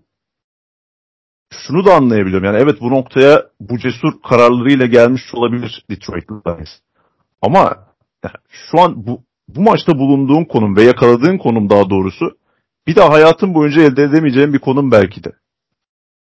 O dördüncü hak kararına kadar bir ara %90'a çıkmıştı Detroit Lions'ın maçı kazanma ihtimali. Ve yani az önce de konuştuk. Bir daha buraya gelemeyebilir bu takım. Yani Patrick Mahomes 6 sezonun 6'sında da buradaydı. İşte Kyle Shanahan son 6 sezonun 4'ünde de buradaydı. Hani bunlar bizi biraz kolaymış gibi gösterebilir. Ama bir de diğer 30 takıma soralım. Ya da Allen'a soralım. Yani buralara gelmek ne kadar zor. Herkesin her sezon başarabileceği işler değil bunlar. Yani o yüzden Detroit Lions e, çok büyük bir fırsatı tepti. Yani Baltimore Ravens'tan çok daha büyük bir fırsatı teptiler. Yani e, bir daha böyle bir şans ellerine geçer mi? Yani Ben Johnson ayrılacak belki. O zaman Jared Goff'un defolarını belki daha net e, görmeye başlayacağız. Yani ellerinde çok büyük bir şans vardı. Onu e, batırdılar kelimenin tam anlamıyla. Çünkü şu noktadan sonra artık Detroit çok iyi bir sezon geçirdi. İşte buraya kadar geldiler. Yani bu tarz yorumların da bir anlamı kalmıyor. Çünkü çok daha fazlasını başarmak üzereyken o kadar kalp kırıcı bir şekilde mağlup oldular ki aslında. Yani biraz Atlanta Falcons'ın 2016 sezonuna da benziyor bu. Yine e, öne geçtikleri bir maç yani o Super Bowl'du belki onun etkisi biraz daha fazla olmuştur Falcons üzerinde ama yani çok benzer bir tabloyu Lions'ın yaşaması da muhtemel. E, zaten mental bir çöküntüyle başlayacaklar sezona. E, bence Johnson'ın da potansiyel ayrıldığıyla birlikte hani onun yerini doldurmaları da çok zor olacak bence. Yani kaçan fırsatın büyüklüğü konusunda bir kere bir daha NFC bu kadar olur mu? Onlara rakipler olarak işin hani playoff'taki o bracket o kadar onun işine gelir mi falan. Bunların hepsi bence çok zor yani. Bir süre en azından bu takımda. Ki Ben Johnson zaten oradaki tüm denklem içerideki en önemli bir parça. Şimdi maçın hakikaten ideal senaryodaki şu vardı. Fortinanes'in hakikaten o bir şey var. Bir gazla oynayan bir taraf var. Onları çok azdırmamak gerekiyor. Maçın başına itibaren. Koşu oyunuyla zaten o maçın başına itibaren oynadıkları oyunla ki yani Lions Offensive Line ligin en iyisi. Yani belki bazı gelişmiş istatistikler falan öyle göstermiyor. Yani tartışılan şeyler falan oldu ama ki bir de sol guardları oynamadım maçta ona rağmen yani yedek oynayarak. 49ers defensive line'ı darmadağın ettiler yani. Hani bir koşu oyununda çıkan fırsatlar ki koşu oyunu konusunda Detroit Lions'ın aslında sezon boyunca gösterdiği bize şey hani çeşitliliği, hani zenginlik konusunda pek çok şeyi çok iyi seviyede yapabilen bir zengin çeşitliliğe sahip olan koşu oyunun her şeyini gördük yani. Oradan başka şey, sürekli bir şeyler çıkıyor. Bahsettiğin Chase Young'ın üzerine oynama falan da çok iyiydi yani. Onları çok iyi kullandılar. Her şeyi yaptılar. Zaten öyle rahat öyle çok iyiydi. Sen bu maça kadar daha önce hiç motion yapan offensive tackle gördün mü? Birkaç sene önce sağdan sola koşturdular. Birkaç sene önce gördüm Packers'a karşı şey Trent Williams yaptırmıştı. Onun arkasından koşturup 4'te 1 oynamıştı yanlış hatırlamıyorsam sene. Bak işte Ben Johnson bunu bile kopyalamış durumdaydı bu maçta. Onu söyleyecektim iyi hatırlattın. E, Trent Williams da bu sezon da çok oynadık. Yani motion değil belki ama o kick out bloklar ve onu takip eden koşu oyunları Penny Sewell'la bu sezon inanılmaz derecede oynuyor Lions. Penny Sewell muazzam oynuyordu. Bu arada Sewell'ın birkaç pozisyonda falan boşa çıktı ve 6. offensive line olarak yani eligible falan olduğu durumlar falan oldu. Acayip neyse. Yani o koşu oyuna gidiyorsun. Tam onlar işte ki bu arada pas tarafında falan da Jared Goff'un var yani hani arka tarafta yani oturup çay demleyecek süresi falan oldu kaç tane pozisyonda. o kadar rahat fırsatlar vardı. Onun dışında yani bazı noktalar hakikaten ilk yarı üzerinde çok hani cesur, iyi seçilmiş oyunlar, uygulamalar. Hani Jared Goff'un o kadar defosuna rağmen hani aktı yani bu takım. O kadar iyiydi her şey. Diğer tarafta işte koşu oyunu çok iyi savunma ve koşu oyunu savunduğun zaman hani bir sürü şey bir noktada sıkıntı işte. Brock Purdy'yi sıkı baskı getirmeye başladılar. Brock Purdy'yi baskı getirince işte o havaya atıyor birkaç tane sallıyor. Onları tutup tutamamana kalıyor. İşte, tuttular bir tanesini yani.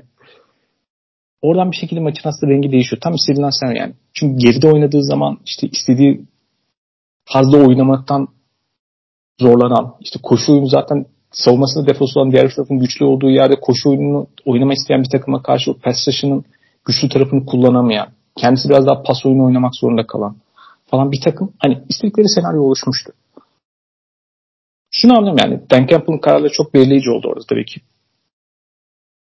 Yani mesela ilk yarının sonundaki pozisyonda işte 3 yerine 7 alabilir. Bir tercih geldi. Mesela çünkü maç sonunda olduğu için rakibi orada hakikaten bir yapta tutmak gibi bir avantajı da yoktu. Hani orada bir kere daha oynayıp hakikaten 17 sayı farkı çıkartmayı anlayabilirim. Yani makul bir karar demiş. Ama mesela 3 tane molası varken niye 3 kere koşmadı? Bence ona gerek. Mesela bence orası o tip kararlar da var tartışılabilecek. İkinci yarıdaki o şey konusuna katılıyorum çünkü maç tekrar 14 sayı yenildikten sonra 17 sayı çıkarma noktası şu noktası vardı. Mesela daha sonraki bahsettiğinde hakikaten çünkü işte 48-50 yard civarında falan bir alan golü olacaktı. Kicker'ları o mesafelerden çok güvenilir bir kicker değil açıkçası. Yani hani onu oynamak yerine zaten sezona başladıkları kicker'da da oynamıyorlar. Yani hani orada o tercihi kısmen anlayabiliyorum. Bunun kendi tutarlı bir tarafı var çünkü. Ama bahsettiğin 17 sayıyı çıkarmama senaryosu şunu etkiliyordu. Momentum konusu hakikaten orada çok değişti. İşte bazı kısa 4 ve işte 3 ve 4'te kısa mesafe oyunlarında falan mesela koşuyu tercih etmeyip yani hani göstere göstere sen niye 49ers takımında pas oynuyorsun ki drop back oynuyorsun? Yani adamın istediği şey o zaten. Onların ise ekmeğine yansıyorsun. Hani, Empty oynadılar bir tanesini hatta. Evet yani yap, hani anlıyorum. Bu seviyede oynarken kendin çok çeşitli ve rakibi kanlayacak farklı şeyleri yapabilmeyi istiyorsun. Her zaman aynı şeyi yapmak istemiyorsun ama burada o maceraya girersen ciddi bir risk alıyorsun yani. Bırak artık o işleri. Deme noktasına geliyoruz. Çünkü bu seviyede en iyi yaptığın şeyi yap ve mümkün olunca az riskli o tip şeylerden çıkmak çok önemli. Özellikle de daha zor takımdaysa yani. Çünkü yani aldığı şey yapabilirdi ya. Çalıştığı zaman bir şey diyemez. Çünkü birkaç tane pozisyon açıkçası çok kötü droplar oldu maalesef. Şanssızlığı yani. Ha, o droplar olurken şöyle bir faktör var. Jared Goff'un fiziksel sınırlarını görüyorsun yani. Hani başkasına bıraktığında iki saniye çok iyi bir zamanken arkada bırakın. Goff'a ekstra belki daha iki saniye daha bırakman lazım ki adam rahat rahat ayağını kursun o pası alsın. O pasın gitme hızından falan var işte. Bir 30 santim kenara gidiyor pas, geriye gidiyor falan. Onlar da etkiliyor. Birkaç tane pası aslında o yüzden tamamlayamadılar. Biraz daha droplar falan kötü oldu, şanssızlık. Yani oyun işte o dördüncü haklar tamamen kötü tercihler değildi ama uygulama noktasında bir şeyler ters gitti. Bunu böyle bir riski aldılar. İşte bu tip şeyleri yaparken hani rakibi çünkü ikinci yarı itibariyle şunu da yaptı aslında 49ers. Bir daha fazla adam ve daha farklı şekilde pass rush'ı göndermeye başladılar. Oradan biraz durumu değiştiler. İkincisi sürekli arka tarafta coverage'ı değiştirmeye başladılar. Yani ilk yarı çok statik coverage'larla oynarken ikinci yarı arka tarafta sürekli coverage değişti yani. İşte single eye, single, single tip, cover two falan onların türevleri arasında sürekli orada değişiklikler yaptılar. Oradan biraz kafa karıştırdılar. E Jared Goff da orada yani hani tamamen her şeyi ayarlayayım değiştireyim adamı falan değil yani sonuçta. Onun sınırları var. Ve birkaç pozisyonda hani kaçırdığı paslar var. Çünkü kuvveti yetmedi yani. Hani o flare flicker falan akıl almaz bir şey yani. Adamın 20 yak gerisine attı topu. Bıraksan en zona atsan o touchdown'da o mesela pozisyon. Neyse hani bunun gibi şeyler var. Hani çok sınırların yönetme noktasında bence aslında çok etkileyici maç gösterdi aslında maçın büyük genelinde. Ama gene ufak tefek şeyler seçmek gerekirse bu seviyede nasıl kapıyı açık? Mesela bu tip noktalarda bazı yerde işte pas oyununa giderek, koşudan vazgeçerek momentumun değişmesine biraz kapıyı araladı. İşte özellikle ikinci, ikinci çeyrekten itibaren başladı ama yani ilk yarıda falan birkaç pozisyon vardı. Mesela koşu oyunlarında falan yani başarısız oldukları nadir oyunlar hep şeydi. Şimdi orada sıkıntıya bakıyorsun işin içinden Fred Warner çıkıyor. Abi yani Fred Warner'dan uzak durun yani. Geri kalan herkesi halledebiliyorsunuz yani. Fred Warner'dan uzak durun çünkü o da başka bir şey yani. Bombaşka bir oyuncu yani. Bu şey gibi. Hani git Ali Armstead'den, Nick Boza'dan, Derek Greenlow'dan falan hani uzak dur ama yani bundan kaçın yani. Kitapta yazıyor Ve şey yani Edrid hani Edrid'in öyle bir acayip bir etkisi olan bir en üst seviyede oyuncuları falan var ya. Tom Brady'nin kolundaki bilekliğinde şey yazardı yani. Baltimore Ravens'e karşı oynarken en son kontrol etme noktası. Hani Mike Linebacker'ı söylüyorsun. Onu kontrol edip bakıyorsun. Ya o kadar kritik ki o iş. Git 20 numara neredeyse onu bul ve ondan uzak dur gibi bir şey yazıyor falan adam. Hani her şeyi bitirip o 20 numarayı bulmaz gerekiyor. Çünkü o en önemli faktör. Orada şey de yazıyordur. Ed Reed'in safety'deki partneri Nep Pollard'da sürekli sakatlayan onu. Ondan da uzaktır. Bunun gibi yani hani Fred Warner mesela hani ondan kaçacak şekilde bütün oyunları dizayn et ya da Fred Warner üzerine gidiyorsan Penicillin falansa mesela şu şekilde başarılı olan oyunlar hani bu tip hani hata marjının bu kadar ince olduğu bir dünyada bu tip şeyleri falan da çok dikkat etmek gerekiyor. Planlamayı o kadar üst seviyede yapmak gerekiyor hakikaten. Hani bir önceki maçla alakalı bahsettiğim gibi böyle şeyler belirliyor maçın ufak tefek farkları, momentumun gidişatını falan. İşte böyle şeyler olunca kapıyı açıyorsun. İşin içinde şanslılık. Ama şu da var. O momentum değiştikten sonra bir şeyleri ararken o panik yani bir, bir tane şey ihtiyaçları var böyle bir oyun bir drive biraz daha ilerletme ihtiyaçları vardı. İşte orada da biraz kendi düzenlerinin içinde mi kaldılar artık bilmiyorum. Hani bir şeyleri değiştirme noktasında daha güvenilebilir. O drive'ı devam ettirecek oyunlarına belki gitmekten vazgeçtiler. Bilmiyorum hani işte pasa döndüler belki bence biraz fazla bir şekilde falan.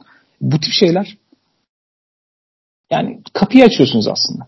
Kapıyı açınca ondan sonrası başka şeylerle işte her türlü bela bulaştı. Zaten talihi çok makus bir organizasyon. İşte oradan her şey kötüye gitti ve bir noktada işte baktım yani rakibe göre rakibin zayıf noktaları bulma noktasında kendi ana planını uygulama noktası çok iyi olsanız da rakibin en üst seviyede olduğu seviyede çok özel oyunculara karşı, özel durumlara karşı çok güvenilir bazı şeyleriniz olacak yani. yani işte, maalesef orada mesela işte ikinci yarıda kısa mesafe oyunlarında kritik damlarda falan biraz uygulamada hatalar falan da var ama kötü tercihler de yaptılar yani. Böyle şeylerle kapıyı açıyorsunuz maalesef. Gün sonunda böyle bir noktaya geldi ve büyük fırsat kaçtı. Çok büyük fırsat kaçtı ve şey komik bize. İşte en son e, Detroit'in şampiyon olduğu yıl 57. 57'den sonra hatta onların meşhur bir geyiği vardır böyle. 1957'den beri yeniden yapılanan Detroit Lions falan diye.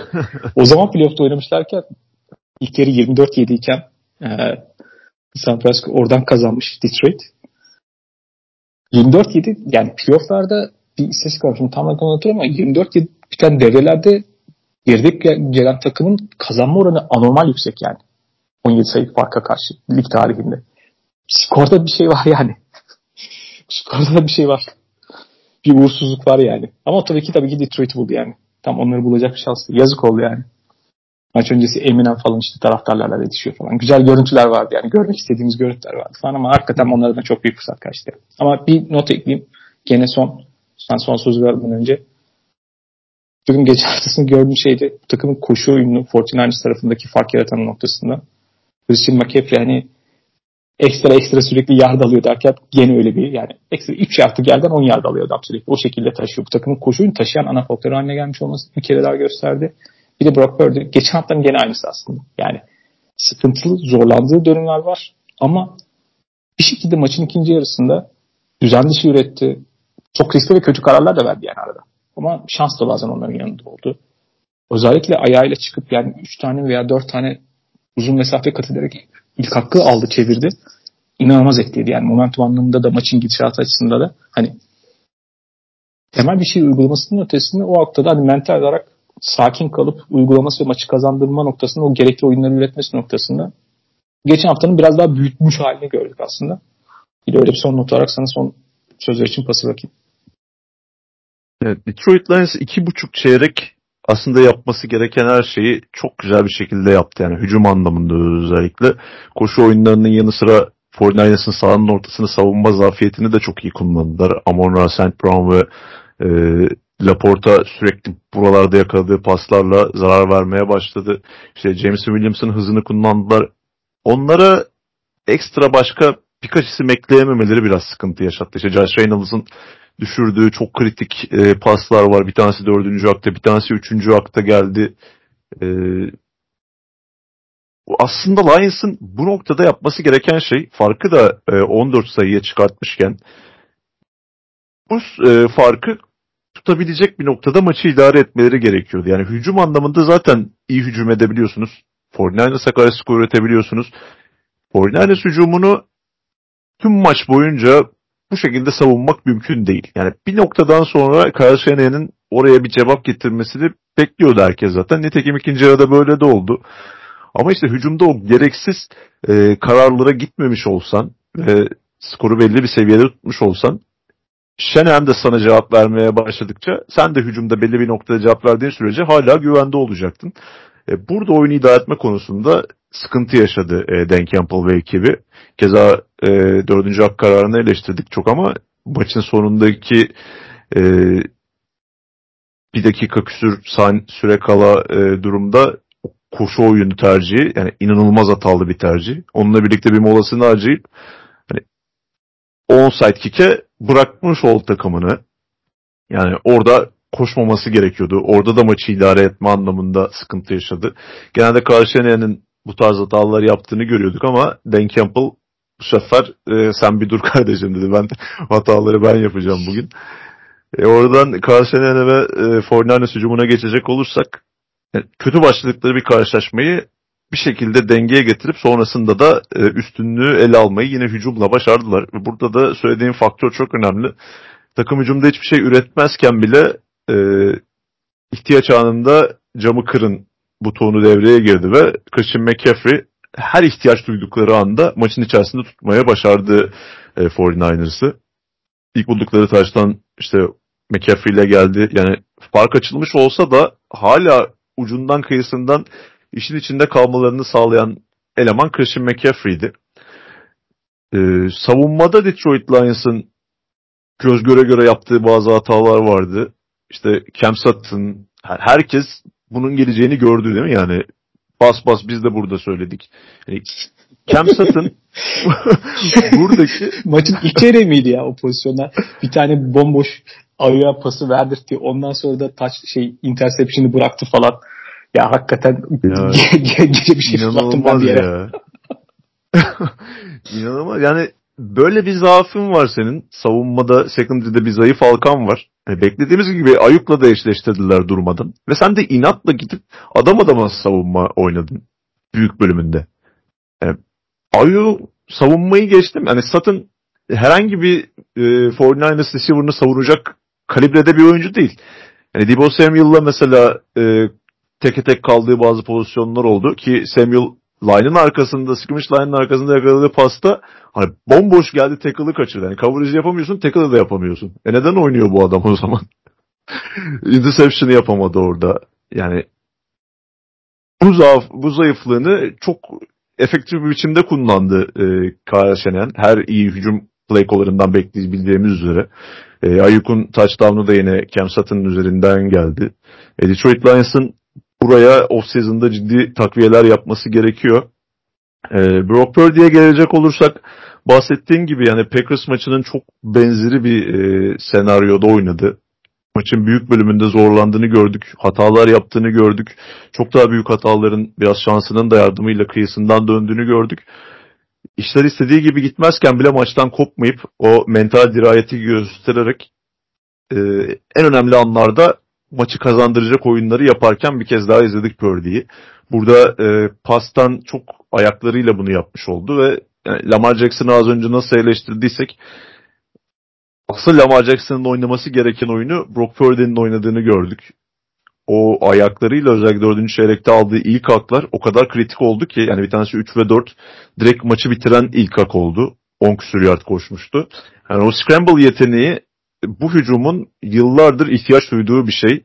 Bunu bu maçta bir kez daha gördük. Yani şurada Jimmy Garoppolo olsa yani bunların hiçbirisi mümkün olmayacaktı. Cep içerisinde bu kadar statik duran bir quarterback yani çoktan bu maçı kaybederdi San Francisco 49ers.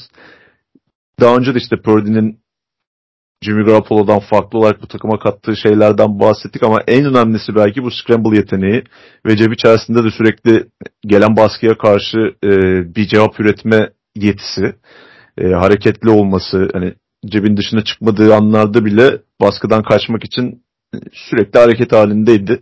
Bu gerçekten e, bir seviye atlatıyor Foreigners hücumuna ama şunu da söylemek lazım yani o kadar şanslı bir oyuncu ki yani Kadir gecesinde mi oldu ne oldu bilmiyorum. yani o e, Wildor'un kaskından seken top yani gidip bir şekilde Akıl almaz ya. O Detroit şanssızlığıyla beraber inanılmaz bir şey. Ya Detroit şanssızlığının üzerine Brock Purdy şansı. E, Cam Sutton'ın ilk çeyrekte tutamadığı da apayrı bir şey zaten de.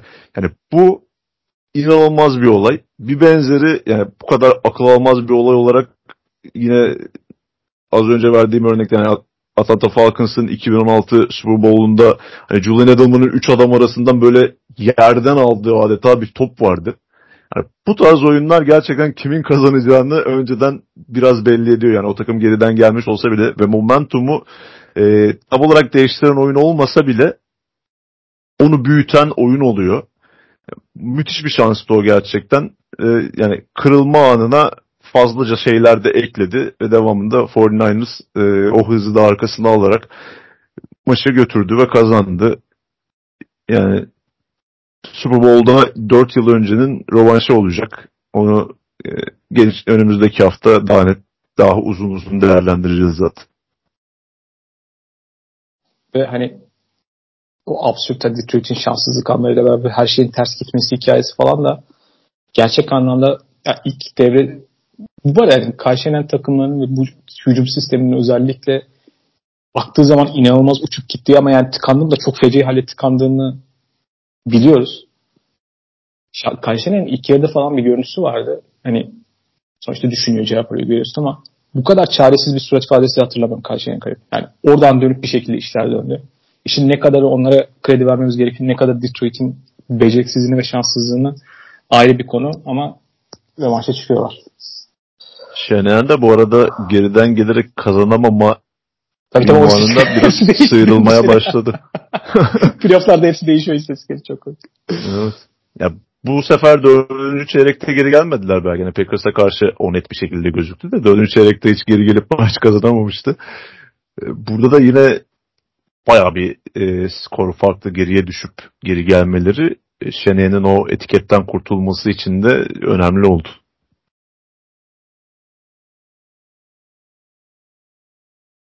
Daha detaylı olarak haftaya konuşacağız zaten Super Bowl öncesi hem onun gündemini ama bu arada tabii ki de başka bir sürü gündem var. En önemlisi tabii ki değişen koçlar en önemli kısım. Yeni gelen genel menajerler var. Pek çok takımda ciddi koordinatör değişiklikleri oldu. Onlardan birkaç şeye değineceğiz ama koçlar tarafından başlayalım. Başlamamız gereken yer aşikar yani. Chargers'a Jim Harbaugh geldi. Bir kere AFC West'in yeni hali için gerçekten heyecanlıyım. Maçlara yani oyuna futbol olarak bakmıyorum orada. Zaten Andy Patrick Mahomes orası halihazırda ligin hanedan takımı var. Futbol için Raiders, orası yetiyor. futbol için orası yetiyor. Raiders'ı zaten orijinal Compton Anthony Pierce oraya atandı. Onu ayrıca konuşacağız. Yeterince o takım zaten herhalde yeterince arıza çıkartacaktır. Denver'ın başında Sean Payton var. Yani istemediğimiz her türlü çirkeflik, kaos, kavga, gürültü, olay falan yani pislik her şey gayet hazır bir organizasyon. O yapar yani en azından kendi faktör olarak. Ve Chargers'da Jim Harbaugh. Yani Fortnite'da gördüğüm Jim Harbaugh. Hepsinin üzerinden geçebilecek seviyede. Ve Chargers gibi her zaman oranın böyle sempatik, daha böyle olaysız tarafta görünen karakterine karşı gerçekten ancak öyle bir karakter gerekir, gerekirdi yani. Başka türlü onu çözemezdiniz. O açıdan yeterince yani AFC West kesinlikle gelecek bir 2-3 yıl izlenmesi gereken division haline daha önce gelmese de şimdi gel. Çünkü olay garantisi var. Futbolun ne olur bilmiyoruz. Olay garantisi var artık. Onu bekliyoruz. Ama onun ötesinde Chargers, Jim Harbaugh ilk aşamada beklentilerimiz ne olmalı?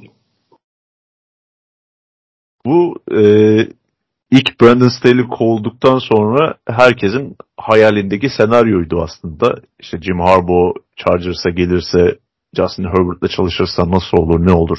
İşte NFL'e gelirse kesinlikle Chargers'a geçer gibisinden bir düşünce vardı. Yani ben çok e, memnun kalmadım bu şeyden. Özellikle öncelikle onu söyleyeyim. Yani Raiders taraftarı olarak. Yani çünkü Antonio Pierce yani şu performansı göstermemiş olsa Raiders'ın gideceği ilk koçlardan bir tanesi olur Jim Harbaugh. Hem taraftarın çok sevmesi hem de e, Jim Harbaugh Raiders ilişkisi olsun. Yani doğal bir eşleşme olarak gözüküyordu. Ama gelip e, Raiders'ın e, grup rakibine head coach olduğu Jim Harbaugh. Harbaugh ile alakalı daha önce de bahsettiğimiz e, durum aslında burada da geçerli olacak. Chargers ciddi derecede bir kültür değişimine e, ihtiyaç duyan bir takım. Uzun yıllardır böyle yani en iyi kadrolarını kurduğu zamanlarda dahi yani o kültür eksikliğini hisseden bir takım. Çoğu zaman e, büyük beklentilerle başlayıp o beklentileri bir türlü karşılayamamakla ün yapmış bir takım. Şarjörleme gibi kendine has bir tabiri var. evet şar şarjöring, şarjörleme artık adına ne derseniz deyin. Öyle bir tabir de yapışmış durumda onlara. Ee, yani tam olarak doktor reçetesinin karşılığı bir koç aslında Jim Harbaugh. Yani geldiğimiz dönemde yani NFL'in NFL futbolunun geldiği dönemde bu tarz e, CEO koç olarak nitelendirebileceğimiz koçlar e, bir tık daha böyle değeri azaldı gibi ve sayısı da gitgide azalıyor. Artık offensive play caller koçlar e, hükmediyorlar oyuna büyük anlamda. E, Jim Harbaugh da bir hücum kökenli koç tabii ki yani eski bir quarterback ve yani çalıştığı her takımda koşu oyunlarına ciddi derecede katkı yapmış ve bu anlamda fark yaratmış bir head coach. Yani bu noktada Chargers'ın yine ihtiyaç duyacağı tarzda bir e, koç olduğunu düşünüyorum ben. E, hem 49ers'da hem e, Michigan'da koşu odaklı takımlar çalıştırdı. Daha doğrusu o takımların koşu odaklı takımlar olma, olarak evrilmelerine sebebiyet verdi de diyebiliriz. Burada işte bir e, nokta şu olacak. Justin Herbert gibi bir quarterback'e sahip artık. Daha önceki çalıştığı takımlarda böyle bir quarterback'i yoktu. Yani quarterback'in daha ikinci planda olduğu bir sistem Chargers'ta çalışmayabilir. Daha doğrusu Chargers'ın öyle bir sisteme ihtiyacı olmayabilir. Güçlü bir koşu oyunu tabii ki e, tercih edilecek bir olay ama yani Justin Herbert varken de takımın birinci silahı koşu olmaz. O nedenle burada nasıl bir e, sistem işleyecek onu merak ediyorum e, Greg Roman'dan bahsediliyor. Yani, direkt hücum koordinatörü değil de hani koşu koordine edecek kişi ya da e, hücum danışmanı olarak bu takıma katılması daha mantıklı olacaktır. Yani galiba öyle olacak. İyi... Yani daha iyisi olamaz herhalde. Senaryo olarak. ya o Greg gelecekse o şekilde olması çok daha mantıklı. Çünkü burada daha farklı bir bakış açısı getirecek bir hücum play caller'ına ihtiyaçları var. Yani Justin Herbert'la aynı sayfada olacak bir isim lazım oraya. Zaten e, yanında Justin Winter'ı getirildiği söyleniyor. O savunma anlamında yine Chargers'ın başına gelebilecek en iyi şeylerden bir tanesi olacaktır. E, Mike McDonald'la çok benzer tarzda bir e, savunma koçu. Yine Baltimore ve Michigan geçmişleri Harbo ailesiyle olan bağlantıları bunların hepsini bir araya getirdiğinizde zaten az çok bir profil oluşuyordur e, insanların kafasında. Yani burada kritik nokta bence şu olacak. Chargers'ın bu sezondan ve önümüzdeki birkaç sezondan beklentisini çünkü bu takım şu an yeniden inşa edilme noktasında bir takım gibi duruyor. Özellikle savunmada çok fazla e, kontrat yükü olan oyuncular var. Yani bunlardan bir şekilde çıkılması lazım. E, hücumda yaşlanan bir çekirdek var. E, orada da bir yapılanma gerekiyor. Yani ilk sezondan itibaren başarılı olacak bir yapı görmezsek çok şaşırmayacağım. Jim Harbaugh e, 49ers'a anında başarılı olmuştu. O başarıyı anında getirmişti. Ama Michigan'da da kademe kademe ilerlemişti e, programı küllerinden yeniden ayağa kaldırma noktasında. Yani burada biraz daha Michigan tarzı bir e, gelişim olabilir gibi geliyor bana Chargers'ta ama yani doğru koç. Doğru koç olmasında şu şey faktör. Yani bazı takımlarda hani organize takım sahipliği veya işte front office tarafından belirlenen o takım çok stabilize eden yapılar vardır. Hani koçun oradaki rolüne biraz daha az ihtiyaç var. Koçun faktör olarak hani daha büyük bir figür olmasına daha az ihtiyaç var işte. Packers öyle bir yerdir. Steelers öyle bir yerdir mesela. Böyle organize işte Baltimore öyle bir yerdir falan. Bu tip yerlerde hani koçla geri kalan tüm hani yapı organizasyon başka bir zaten plan strateji ve kültür vardır. Koçla beraber hani dahil. Koç da ona uygun bir birisi seçilir ve onu bir şekilde ilerler. Ve bunlar daha stabil organizasyondur. Chargers'ta hani öyle bir şey yok. O yüzden öyle bir güçlü figüre hakikaten çok büyük ihtiyaç vardı. Tam olarak o yani o olması mesela Vrabel falan gibi birinin gelmesi gerekiyor hakikaten. O tarzda bir insana ihtiyaç vardı. O açıdan zaten çok önemli. Diğer tarafta bahsettiğim kültür tarafı yani halihazırda eldeki kadar konuşuyorduk daha öncesinde hani bu takım işlerinde hani Justin Herbert dışında bu takımın geleceğine dair gözüken bir şey yok zaten elde fazla pek bir şey yok. O zaman Justin Herbert'ın hani Elit Dickensi bulunan şey elit quarterback sonuçta. Onunla beraber geri kalan her şeyi aslında istediği gibi inşa edebileceği neredeyse tamamen açık bir tamamen hiçbir sayfası doldurmamış bir defter gibi bir şey. Ama çok güzel bir kalemin var. İstediğin gibi yazabilirsin yani. Bu tarafı çok heyecan verici. Yani istediği şekilde kültürü inşa etme noktasında, oyuncuları belirleme noktasında ki 49ers hani geldiği zaman çok ilk oyuncular olan bir takım zaten. Hani o yüzden o kadroyu direkt olarak rekabetçi haline getirip ki çok rekabetçi bir karakter olarak hani yeniden yapılan derken gene rekabetçi olmanın yolunu bulacaktır yani. Ondan da çok şüphe etmiyorum ama benim mesela şeyle alakalı Justin Herbert'ın görece ona daha az ihtiyaç duyan bir yapılıyla beraber aslında takımın daha rekabetçi olacağı bir senaryonun daha gerçekçi olduğunu düşünüyorum mesela. Hani Justin Herbert'ı az kullanırlar mı falan bir noktasında çok esim. Çünkü gördük ki hani 49ers'tan sonrasında ki bu arada öncesi Stanford'da da Andrew Luck'la oynadı yani. Jim Harbaugh hani o seviyede quarterback'lerle çalışma deneyimi de olan da biri. Tabii Stanford'da. Aynen. Orada tabii eline düştü. Yani kendisi rekrut etmemişti ama iyi fırsat olduğunu. Jim Harbaugh şimdi yani ki Michigan'da da başladı yani ilk yıllarıyla son yıllarındaki strateji farklıydı yani. Daha recruitment odaktan daha kültür odaklı bir programa geçmişlerdi mesela. Adapte olabilen, o değişimi gösterebilen bir koç eldeki şartlara göre ve CEO örneği çok iyi. Çok iyi koç seçiyor. Yani adam inanılmaz iyi koç seçiyor gittiği her yerde. Yani şu an ligdeki gördüğünüz pek çok iyi koçla alakalı çalışmıştır yani. Rick Fangio'sundan Greg Roman'ına kadar ki bunlar Stanford'dan falan getirmişti Fortinanders. Bu tip koçları bulma noktası çok iyi. Şu andaki Jess Minter'de yani Mike McDonald'dan sonra o sistemi uygulama ve o nokta nasıl yani en iyi seçenekler. Hatta biz konuşuyorduk sürekli. Mike McDonald giderse herhalde o gelir diye. O düzeni devam ettirme noktasında. Ravens'a mesela orayı da kapattı. Yani mesela Greg Roman'ın koordinatör olarak olmaması, başka seçenekler araması da bence eldeki yapıyla alakalı düşün, daha gerçekçi ve doğru şeyi de düşünmeye dair ikna ediyor beni yavaş yavaş. Tahminim şu bu arada hani açıklama tabii genel menajer noktası ama muhtemelen genel menajer noktası çünkü Fortnite'dan ayrıken orada bir gerilim vardı Trent Balke arasında.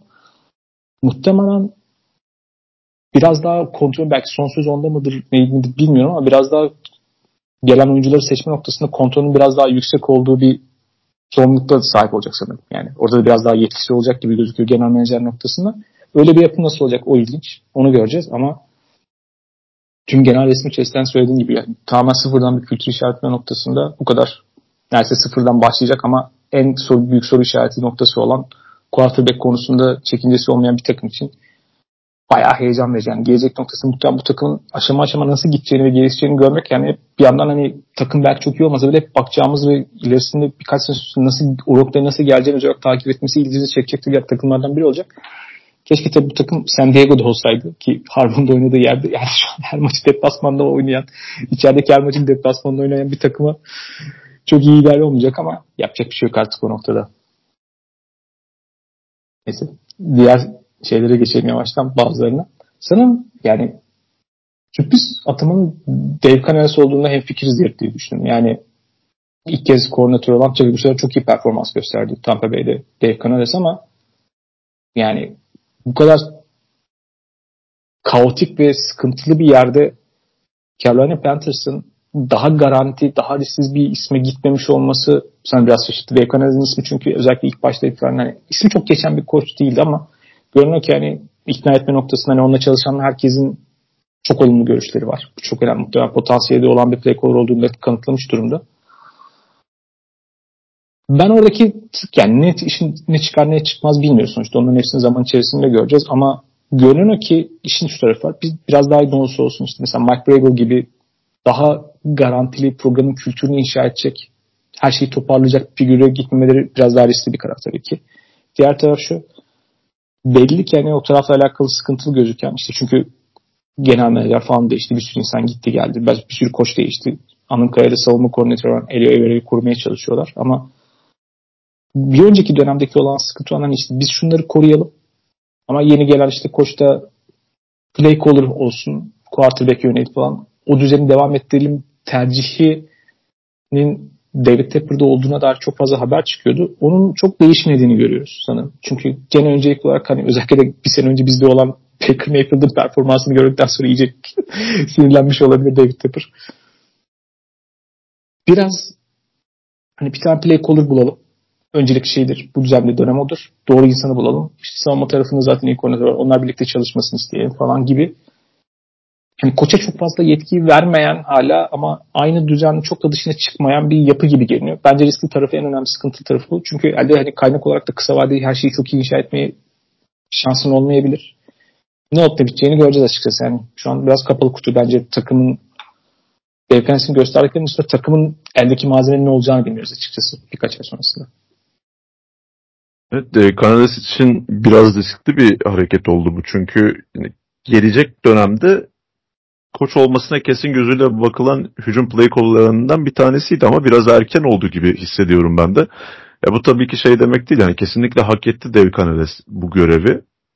Ama yani en az bir sezona daha ihtiyacı vardı bence. Çünkü ben onunla alakalı sürekli hani Ben Johnson profilini biraz böyle benzer görüyordum en azından kariyer eğrisi bakımından. E, ben Johnson da çıkış yaptığı bir sezonda teklifler de olmasına rağmen takımdan ayrılmayıp yani o sistemde kendini daha da geliştirip yani biraz daha e, başarabileceklerini başardıktan sonra bir yıl ekstra tecrübeyle e, ayrılacak olması hani Canales için de doğru e, yol olabilir gibi geliyordu bana. Ancak e,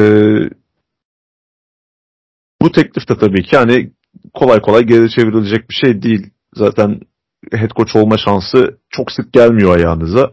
E, Canales'in doğru isim mi yanlış isim mi olduğuna bakmadan önce biraz Carolina Panthers'ın koçtan ne istediğine bakmamız gerekiyor. Yani buradaki birinci dert bence kültür inşası ya da takımı her anlamda idare edebilecek işte az önce de bahsettiğimiz gibi biraz böyle CEO koç olacak bir isimden ziyade hani biz binane yedik Bryce Young için işte takımın geleceğini ipotek ettik ve ilk sezon o kadar kötü gözüktü ki hani yanlış bir seçim mi yaptık diye acayip korkuyoruz.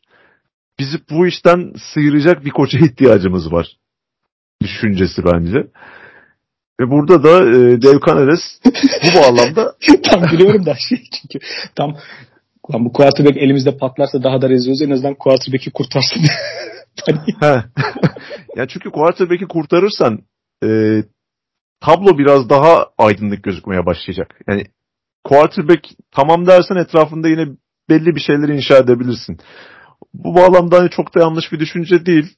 Ve Bryce Young'ı kurtarma görevinde de başvurulacak koçlardan bir tanesi olarak ön plana çıkıyor Dave Canales. Çünkü hani son iki sezondur üzeri çizilen quarterbacklerle yaptıkları gerçekten inanılmaz. Seattle Seahawks'ta pas oyunu koordinatörüyken işte Gino Smith'in yaşadığı gelişim, e, Comeback Player of the Year ödülünü kazanması ve bu sezon Baker Mayfield yani Baker Mayfield'dan kimse bir şey beklemiyordu. Doğal olarak Tampa Bay Buccaneers'tan da kimse bir şey beklemiyordu. Ama Mayfield hem yeniden kendini ispatlayan bir quarterback oldu. Tampa Bay'de playoff'a kalıp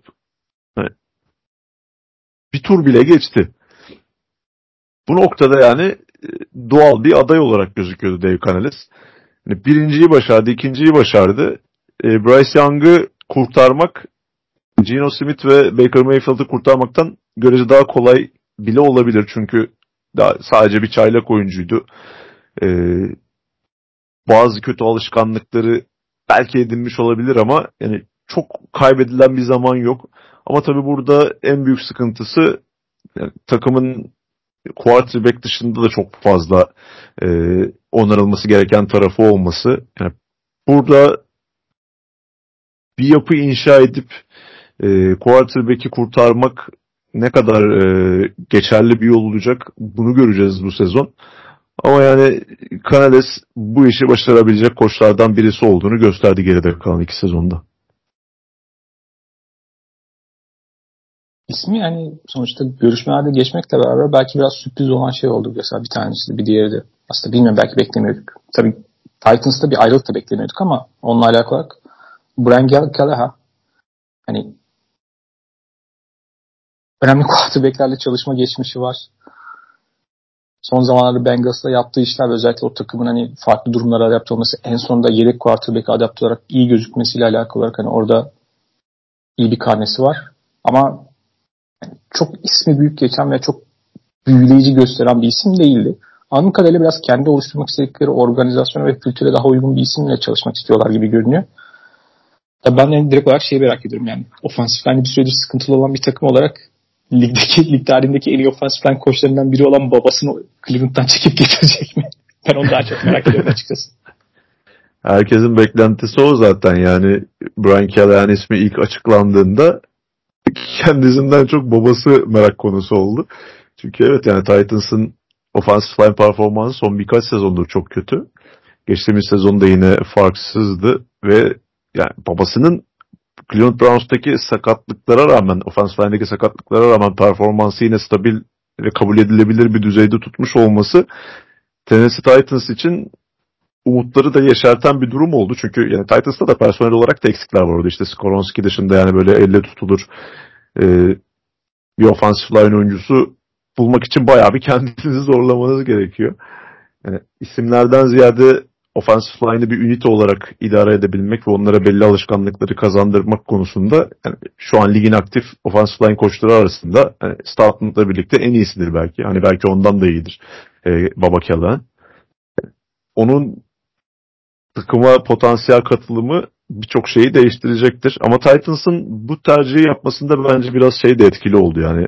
E, uzun zamandır offensive play caller tarafında sıkıntı yaşayan e, bir takımdı onlar. İşte hem Matt LaFleur hem de Arthur Smith'in üst üste ayrılıklarının ardından bir türlü orada bir e, geçerli performans verebilecek e, ofansif koordinatör bulamamışlardı. Biz de hani onun yerine direkt koçu e, o tarz bir adam seçelim demiş olabilirler. Ama yani Bengals'taki hücum performansının da yani ne kadarından Brian Callahan sorumluydu, ne kadarından Zach Taylor sorumluydu ya da ne kadarı e, Joe Burrow ve yıldızlarla dolu receiver kadrosuyla açıklanabilir konusunda hani ben çok net bir şey söyleyemiyorum. O nedenle yani bu benim çok e, hani iyi hissettiğim bir koç işe aldığımı değil açıkçası. Yani kötü de hissetmiyorum. Nötrüm diyeyim. Onu e, sezon ilerledikçe göreceğiz. Doğru bir tercih mi yanlış bir tercih mi? Aslında ilk açıklanan koç bu arada bu şeyde herkes mesela bir Belichick'in ayrılıp ayrılmayacağıyla alakalı bir soru işareti vardı o zaman artık kalmadı.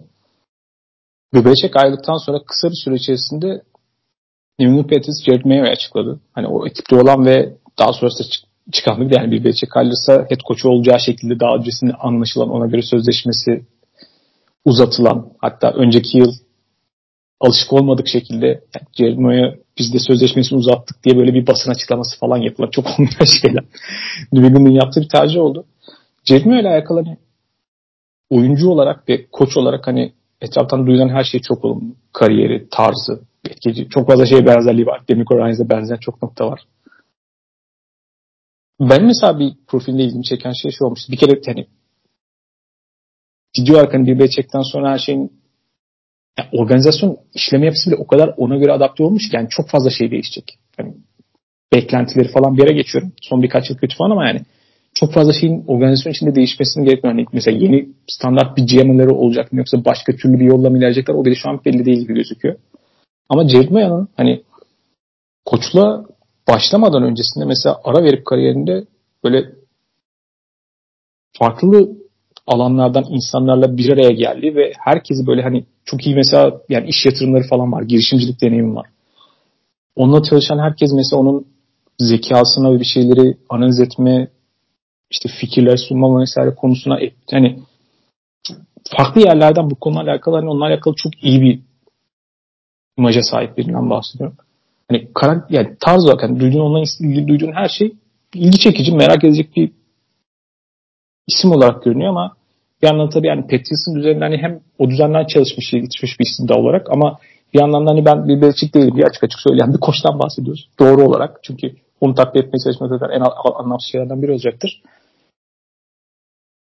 Yani bilmiyorum göreceğiz ama ilgi çekici şeylerden bir tanesi olacak kesin Jared Bilmiyorum senin özel bir düşüncen var mı o konuda? Çok iyi linebacker'dı. Jared Mayo ile alakalı aklıma gelen ilk şey bu. Ya tabii burada uzun zamandır beklenen bir şeyin gerçekleşmesine tanıklık ediyoruz aslında. Jared Mayo'yu bayağı alttan gelsin diye bekleten e, bir takımdı Patriots. Yani burada Mike Vrabel'ın da boşa çıkmış olması planları belki bozabilir diye düşünüyordum ben ama onlar ana plana sadık kalarak Jared Mayo'ya yola devam ediyorlar. Yani Patrice'deki sıkıntılar aslında koçluktan ziyade koçun genel menajer olmasından kaynaklanıyordu. Yani burada biraz daha geleneksel klasik yola dönmeleri e, takımın bir dengeye oturması konusunda da yardımcı olacaktır. Gerard Mayo da yani Bill Belichick'ten öğrendiklerini daha modern bakış açısıyla, daha güncel yaklaşımlarla harmanlayarak gerçekten başarılı bir koçluk sergileyebilir burada. Yani e, pozisyon koçuydu daha öncesinde. Hani bir savunma koordinatörlüğü performansı da görmediğimiz için hani nasıl bir koçtur, neleri iyi yapar yani bu konularda çok yorum yapamıyoruz ama yani hem e, Bill Belichick hem de Patriots organizasyonu onda bir gelecek gördüyse mutlaka bir bildikleri vardır. Bill Belichick demişken yani bu seviyede yani, tarihin en iyisi olan ve ben öyle düşünmem. Ben tarihi olarak gördüğüm en iyi koç var benim izlediğim. Takip ettiğim takım sporlarında olan bir koçun şu noktada sadece bir takımla görüşmesi ve talep görmemesi bayağı sen talep görmüyorken Bill şartlarına uymak bir noktada siz Bill Belichick takımlara hani görüş yani mülakata gitmiyor. Bill sizin mülakat alıyor aslında. Gerçek açıklaması o. Ama Atlanta ile görüştü. Görüşmelerinde belli bir ilerleme kaydettiğine dair haberler çıktı. Devamında anlaşılmadı ve orada hani Rahim Morris'e döndüler. Rahim Morris için sana pas açacağım. Sanırım konu şu. Yani anlaşılmakta. Bill Belichick koç olarak takımlar istemekle beraber eminim bir da ilgisini çekiyordur. Tabii ki eskisi gibi kariyerin son birkaç yılı ve savunma kökenli bir koça ilginin eskisi göre çok daha az olması gibi bazı durumlar var elbette ama yani çıkan şey şu o olduğu zaman hani personel konusundaki yetkiye sahip olmak beraber organizasyonda çok fazla şeyin ona göre değişmesi gerekiyor. Yani işte tüm front ofisinin çalışma yapısından koçluk yapısına bazen içerideki bazı kritik noktadaki yönetim kadrosideki bazı insanlarla aradaki ilişkiye kadar. Sanırım Atlanta bu riski almadı. Yani koçu istemekle beraber Arthur Blank takım sahibi. Sanırım o riski almadılar. Tahminim o. Yani temas sebebi de o görünüyor ama bir sene dinleyip gelecek yıl çok ilginç organizasyonlara gidebilir. Cowboys gibi, Bears gibi. Tamam olması gereken yeterince şatafatlı yerlere gidebilir. İşin o tarafını göreceğiz. Ama Rahim Morris hani çalışan herkesin aslında bu fırsatı daha öncesinde yani daha önce tabii ki bir deneyim var ama gerçek anlamda bu fırsatı çok uzun süredir aslında hak ettiğini düşündüğü ve alması gerektiği bir isimdi. Bir yandan hücum koordinatörünü de seçmiş oldu aslında aynı zamanda. Atlanta ama heyecan verici bir isim olduğunu söylemek mümkün sanırım.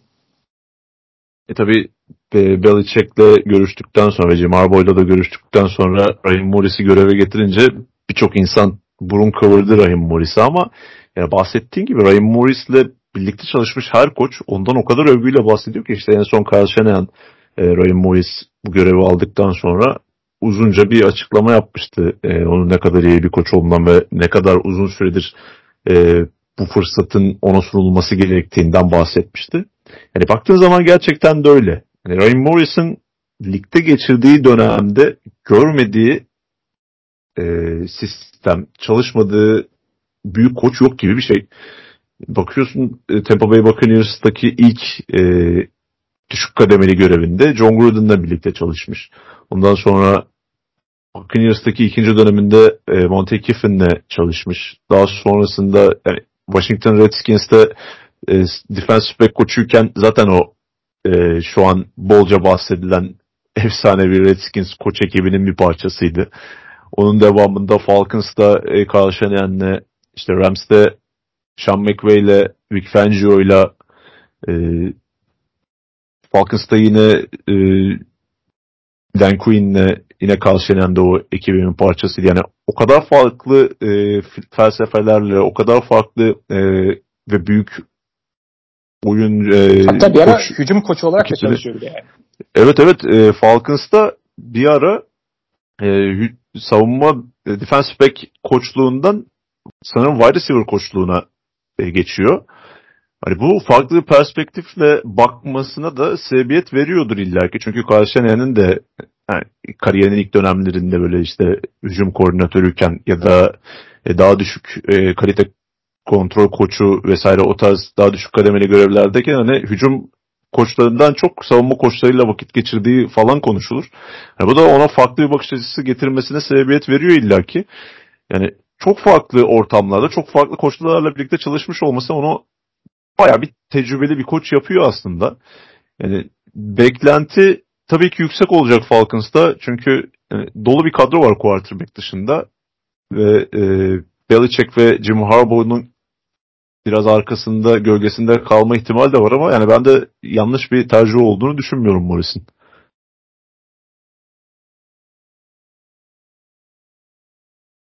Şey, yani beklenmeyen artık tabi değil mi? Anthony Pierce'ın Raiders'e devam etmesi çok olası bir senaryo. Bir kere oyuncu tarafından da gelen büyük destekten sonra hani onu Anthony Pierce'ın ne sunacağıyla alakalı noktasında ilk edindiğim benim bir tane şöyle bir olma izlenim var. Mesela daha sonra tabii haberlerin çıkmasıyla alakalı biliyoruz. Neyi bilip neyi bilmediğini bilen bir koç havasında ve destek aldığı ve danıştığı bazı isimler hani yani doğrudan böyle anında size ekstra kredibilite getirir ya işte Marvin Lewis, Tom Coughlin falan hani gerçek anlamda çok iyi isimler. Hani herhangi bir koçlardan bahsetmiyorum lig tarihindeki. Yani onlar size doğrudan böyle anlık olarak çok iyi bir kredibilite getiriyor. Onların desteği ve onların görüşünü alıyor olmaz. Yani bunların ötesinde bu kadar farklı deneyimi nasıl harmanlayıp sunacağı işte Patrick Graham kalmazsa nasıl bir koordinatör, savunma tarafında koordinatör getirici, hücum koordinatörün kim olacağı gibi takımın quarterback'i gibi önde sorular var ama bu anlamda hani ben bir de takımın hani değişimiyle alakalı çok bilinmez bir durum olmakla var. Olumlu bir şey görüyorum ama sen daha iyi biliyorsun zaten ne beklememiz gerektiğini. Ama sürpriz olan sanırım Tom Telesco'ydu. Çünkü Chargers'ta eh ama son yıllarda kötü bir dönem geçirmiş ve biraz geleneksel tarafta kalmış yani geleneksel scouting geçmişinden gelen ama yeni dönemdeki bazı şeylere çok adapte olmamış gibi görünen tarzdan bir genel menajeri çok da başarılı olmayan bir şey, dünyanın sonunda gelmiş olması o biraz şaşırtıcı oldu sanırım. Ama bilmiyorum belki burada iyi çalışırlar. Ne beklemeliyiz sence? Antonio Pierce'dan başlayalım. Yani bu görevi sonuna kadar hak etmişti bu sezon takımı bir araya getirmesiyle birlikte ama yine de e, bir geçici koç olarak tam zamanlı bu göreve yükseltilmesi bazı e, riskler de beraberinde getiriyor. Çünkü hepsinden ziyade Antonio Pierce çok e, genç bir koç ve fazla bir NFL tecrübesi, yani koçluk anlamında NFL tecrübesinden söz etmek mümkün değil. E, pozisyon koçluğu daha önce herhangi bir savunma koordinatörlüğü tecrübesi yok NFL seviyesinde. E, bu biraz e, baktığın zaman riskli bir durum gibi gözüküyor ama takım üzerindeki etkisi ve oyuncular üzerinde bırakmış olduğu etki özellikle istisnasız her oyuncu Antonio Pierce'ın devam etmesini istiyordu. E, Mark Davis de bir önceki benzer durumda e, yaptığı hatayı tekrarlamak istememesiyle birlikte görevi Antonio Pierce'a vermiş oldu. Yani bu doğru bir hamle oldu bence. Çünkü en azından oyuncuların elinde bir bahane kalmamış oldu yani. Öteki türlü başka bir koça gitmiş olsa işte yine e, en büyük sorumlu Mark Davis olacaktı. Şu an en azından oyuncuların ve takımın istediği koçla birlikte çalışacak. E, bu önemli bir nokta bence. Ancak yine de geçici koçluktan tam zamanlı koçluğa yükseltilen isimlere baktığımızda yani çok fazla başarılı olan isim görmüyor, görmüyor oluşumuz biraz e, ürkütüyor aslında Raiders taraftarlarını. Yani en başarılı diyebileceğimiz isim belki Jason Garrett'tır. Onda ne kadar başarılı diyebiliriz yani o da tartışılır. Ee, dediğin gibi burada kendi bir araya getireceği koç grubu önemli olacak. Çünkü sezonun ortasında geçici olarak takımın başına geldiğinde mevcuttaki koçlarla çalışmak durumunda kalmış. Yani burada en önemli nokta Patrick Graham'i takımda tutmak olacak. Onun dışında hücum koordinatörü seçimi de çok önemli. İşte Cliff Kingsbury'nin isminden bahsediliyor. E, Clint Kubiak'tan bahsediliyor. Yani Kubiak bilmiyorum da hani Kingsbury'yi ben şahsen isterim. E, onun dışında Tom Telesco özel hayatını kontrol edebilirsiniz tabii. Şimdi tabii Las Vegas'ta e, Kingsbury baya ateşle barutu yan yana koymak gibi olacak ama yani belki de iyi olur yani onu da bilemiyoruz. E, Tayland'a Mayland'a falan gitmişti yani belki orada yaşını almıştı. Zaten geçen sene de USC'deydi değil mi? Tabii yani şöyle söyleyeyim Vegas'ta doğru teşviklerle çok ilginç olabilir yani. Evet. Yani Grappolo ve Kingsbury o konuda çok fena bir ikili olabilir gerçekten. Oradan e, Telesco'ya geçelim. Yani benim hiç beklemediğim bir isimdi. Bir takım mevcuttaki takımından kovulduktan sonra anında yeni bir takım bulan genel menajer yani olmanız için çok çok büyük şeyler başarmış olmanız gerekiyor herhalde NFL'de. O nedenle hiç beklemiyordum yani eğer Antonio Pierce devam ediyorsa Champ Kelly'nin de devam etmesini beklerdim ben. Bu yola gitmediler. Yani Ed Dodds ismi de geçiyordu. Onu da tercih etmediler. Yani finalist, üç finalistten bir tanesi Tom Telesco ve sürpriz isim olarak aslında takımın genel menajeri oldu.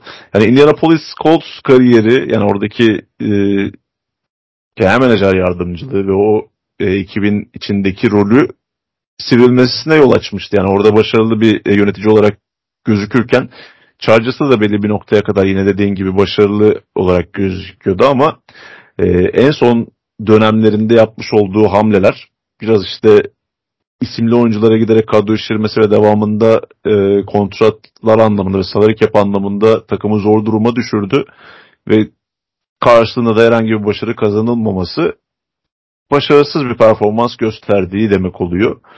E, tabii burada bir numaralı tercih sebebi aslında quarterback bulabilmesi gibi gözüküyor. Yani en azından lanse edilen o. İşte Colts'tayken Andrew Luck, e, burada Justin Herbert. Yani bunlar biraz genel menajerin başarısından ziyade yani olması gereken seçimleri yap, yapılmış olmasıyla da açıklanabilir ama yani Telesco'nun genel anlamda draft performansına baktığımızda e, çok böyle sürpriz seçimler yapmayışı yani geçtiğimiz sezonki Quentin Johnson seçimi bir kenara bırakarak söylüyorum. Raiders'ın aslında biraz istediği şey de olabilir. Çünkü uzun yıllardır yani alakasız alakasız adamları birinci turdan seçen performanslar görüyorduk. Yani orada en azından biraz daha makul seçimler yapmasını umuyorum Telesco'nun. Telesco'nun da karnesinden son 2-3 sezonluk tabii ki serbest oyuncu pazarı tercihi de çok kötü oldu ama temel sıkıntı şeydi.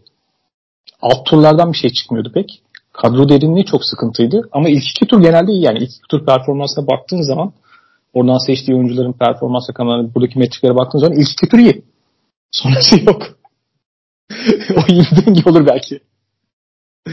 Onu umuyorum. Benim en çok merak ettiğim takımlardan bir tanesi ki hala aslında onlar head coach açıklamadılar. Çok Ben Johnson ismi geçmekle beraber tabii ki Washington. Çünkü takım sahibi değişti işte yeni stat yapacaklar falan bambaşka bir dünya ve çok hani popülaritesi yüksek bir takımdan bahsediyorum Washington. Bill Belichick'in isminin ayrılması noktasında gelmesiyle alakalı çok fazla şey konuşuluyordu ki ben çok böyle bir tahminim vardı hatta. Yani o çok olası görüyordum o senaryoyu. Ama belli ki o yola girmeme kararı almışlar ve işte genel menajer olarak da 49ers'tan Adam Peters'ı getirdiler. O biraz daha hani aslında Petis kökeni de olan biri. Orada bu kariyere başlamış ama 49ers biraz da aslında tarz olarak daha modern tarzda olan front ofislerden bir tanesi özellikle datanın kullanım tarafı ve yani işte yaklaşımlarıyla alakalı olarak. Bu gruptan biri. Ki onun öncesinde yıl ortasında e, sanırım en son Jaguars'ta çalışmıştı ama yani spor ve analitik dünyası konusunda hani bilinen ve ismi saygı duyulan biri olan Shen'i getirmişlerdi. Benim şöyle bir spekülatif tahminim var. İşte Josh Harris 76ers'ın sahibi. Özellikle Daryl Morey ile beraber çalışmaya da başlamasıyla beraber hani o tarzı ki o tarz böyle keskin yeniden yapılanmalar ve işte duruma göre de şampiyonluk penceresini bulduğunda işte hakikaten all-in girmek ki NFL'de artık tamamen çok moda olan bir şey. Bu yapıyı kullanmak, teknoloji ve veriyi çok daha fazla takım yani organizasyon içerisine entegre etmek noktasında. O yapı artı zaten bu yapının çok benzeri çünkü birlikte yani çok böyle görüş alışverişi de yaptıkları bir yerinde Eagles olduğunu biliyoruz. Eagles zaten böyle bir organizasyon. Eagles'da hani analitik ekibi çok güçlü noktadır. Yani front office noktasında. Takımın gezmesinde. İşte onlar mutlaka hücum kökenli bir head coach alırlar. Play olup olmamasına rağmen. Yani o konuda bazı tercihleri vardır. Bence aslında bu senaryoya çok uyumlu görünüyor. Bunlarla böyle baktığım zaman o Philadelphia'daki iki organizasyondan aldığı bazı şeylerin benzerini buraya da uygulamaya çalışıyor gibi görüyorum. İlk tahminim oldu. Özellikle de Ben Johnson gelirse potansiyel iki numara iki numaradan seçecekleri bu ligde yani iki tane quarterback'ten bir tanesi büyük ihtimalle direkt mi artık gelirse Ben Johnson, Adam Peters yani heyecan verici bir grup olabilir sanki. Yani ben Johnson ismi artık yani eli kulağında gibi duruyor. Çünkü herhangi bir takım şu noktaya kadar koçunu bulmadıysa e, hala playoff'ta devam eden takımlardan birinin koçuyla ilgilendiğini gösteriyor bu büyük oranda. Şimdi Detroit Lions'ta elenmişken yani Ben Johnson yakın zamanda açıklanabilir gibi.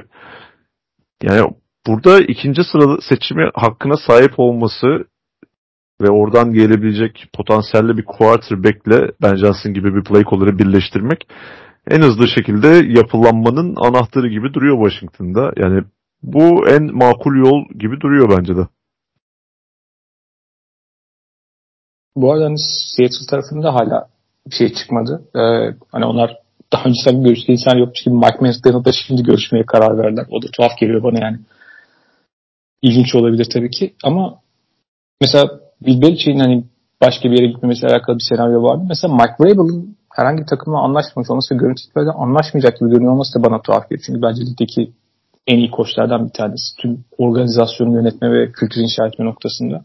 Bilmiyorum hani biraz daha onun istediği tarz belki yeniden yapılanan daha az takım alakalı hızlı bir şekilde rekabetçi olmak mı? Personel konusunda biraz daha yetkiye sahip olmak mı? Bilmiyorum. Hani ama bana onun biraz sürpriz geldiğini söyleyeyim. Çok da anlamlı bulmadım açıkçası yani. Bence bazı takımlar için bahsettiğim Carlo gibi çok daha ideal bir senaryo olabilirdi. O bence biraz tuhaf. Onun dışında yani Pete Carroll emekliliği tam oldu mu olmadı mı emin değilim ama ismi geçiyordu bazı yerlerde. Bilmiyorum belki bir yerde geri döner. Yani yaşı onun için faktör değil çünkü bizden daha genç enerjiye sahip biri. Ama mesela geçen sezon sonunda Luan Orman'ın yani bu sezon herhalde kesin bir yerde anlaşılıyordu. Görüşme sanırım hiçbir yerde görüşmedi bile yani. Talep bile görmedi. Hani tamam geçen sezon belki Bengals savunması biraz geriye düştü. Belki bir savunma koçuna öncelik vermiyor bir sürü takım ama ben onu da açıkçası biraz tuhaf buluyorum. Bilmiyorum bunun dışında bir notum var mı özellikle koçlar noktasında sonra. Koordinatörlere geçmeden. Seahawks'ın da şu ana kadar herhangi bir koçu açıklamamış olması yani her ne kadar McDonald'la geç görüşmeye karar vermiş olsalar bile onu ciddi bir aday yapıyor bence. Yani herkes Dan Quinn'i bekliyor orada da ama hani bir şaşırtmacayla Mike McDonald ismi de açıklanabilir bence. Şu açıdan da mantıklı olur aslında. Ee, eldeki kısıtlı malzemeyle çok büyük işler yapmayı yapabildiğini daha doğrusu göstermiş bir koç Mike McDonald özellikle savunma performansı anlamında ve e, Şeneyan hücumlarına karşı etkinliği de yatsınamaz bir gerçek. E, Seahawks'ın da burada McVay ile iki maç, Şeneyan'la iki maç oynadığını düşünürsek her sezon Mike McDonald gibi onların hücumunu nasıl durdurabileceğini çözmüş bir savunma koordinatörünü koç yapmak aslında mantıklı bir tercih gibi duruyor. E, Dan Quinn'dense. Dan Quinn bunlara karşı çok daha başarısız bir koç çünkü. E, Rebel'a gelecek olursak bence o e, biraz Doug Peterson gibi bir yol izleyecek gibi. Hani en az bir sezon bekleyip hani orada daha böyle hazır yani zirveyi oynayabileceği bir takım bulursa hani onunla bir e, anlaşma yapma şansı bence daha yüksek. E, Belichick'in burada dışarıda kalması tabii ki sürpriz. Ama onun da dediğin gibi yani koştuktan çok daha fazlasını talep ediyor olması muhtemel. Bu da takımların daha soğuk bakmasına sebebiyet veriyordur. Anarumo içinse yani günümüzde savunma koordinatörü olarak e, head coach şansı bulmak kolay değil. İşte Ryan Morris'ten bahsettik. 2008 e, 2024'teyiz. Neredeyse 20 yıl olacak ikinci koçluk e, şansını elde etmesi için. Ve Mike McDonald yani kesin gözüyle bakıyorduk. Günün sonunda o da herhangi bir takımdan koşuk işi alamamış olabilir. O nedenle yani Anarumo'nun burada çok iyi bir sezonun ardından çok ortalıkta gözükmeyen bir sezon geçirmesi isminin biraz e, hafızalardan silinmesine sebebiyet verdi bence. Bu nedenle yani takımlar çok fazla da tercih etmediler onu. İyi bir sezona daha ihtiyacı olacak. Yani Bengals için iyi bir haber tabii ki bu. Diğer taraftan tabii pek çok koordinatör değişikliği söz konusu. Yani daha aslında daha kritik olarak olduğunu düşündüğüm koordinatörler noktasında davul olmayan bir sürü yer var işte. Şu anda boşalan Los Angeles Rams, Miami Dolphins, New York Giants, Green Bay Packers mesela bunların savunma koordinatörleri kritik roller yani. Onlar yok işte. New Orleans Saints'te hücum koordinatörü gelecek. John Gruden. Onu bir. Bu kaosa ihtiyacımız var aslında. Çok iyi rekabet olur. İşte Browns kendi Dorsey'i getirdi ama orada tabii şey var. Yani zaten Kevin Stefanski play caller. Yani o görece yani çok tartışmaya belki gerek olmayan bir şey bizim için şu aşamada. Beyaz Shane Walden'ı getirdi hücum koordinatörü olarak. Hani orada daha fonksiyoneller gelecektir muhtemelen Seattle'dan getirdi. Ama zaten yeni bir quarterback, yeni bir yola girecekler gibi görünüyor. O daha sonrasında belki konuşmamız gereken bir şey. O tarafta. Jaguars'ın Ryan getirmesi hani Mike Colville'dan beklentilerin altında kalan performans gösteren bir savunmadan vazgeçip Atlanta'da iyi iş çıkarmış Ryan Nielsen'e çok makul anlaşılabilir bir şey gibi gözüküyor görünür tarafında. Bizde Joe Brady geçici hücum koordinatörlüğünden kalıcı kadrolu sözleşmeye geçiş yapmış. Ama hani mevcut durumun biraz devamı gibi algılıyorum. Daha sonrasında göreceğiz ne olacağını. Ama en önemli mevzu sanırım burada konuşmamız gereken şey tabii ki yani muhtemelen bu koordinatör değişiklikleri olmasa head coach'un ayrılma ihtimalini de görünce az olmadı. Sezonun büyük bir yani daha öncesi bahsettiğim büyük çöküş içerisinde bitirmiş olan Philadelphia Eagles'ın bayağı keskin aslında oradaki değişikliğe gitmesi. Kellen Moore, Vic Fangio hani Vic Fangio'da en azından aynı sistemin çok benzerini oynayan bir gruptan ona devam etmeye çalışacaklar.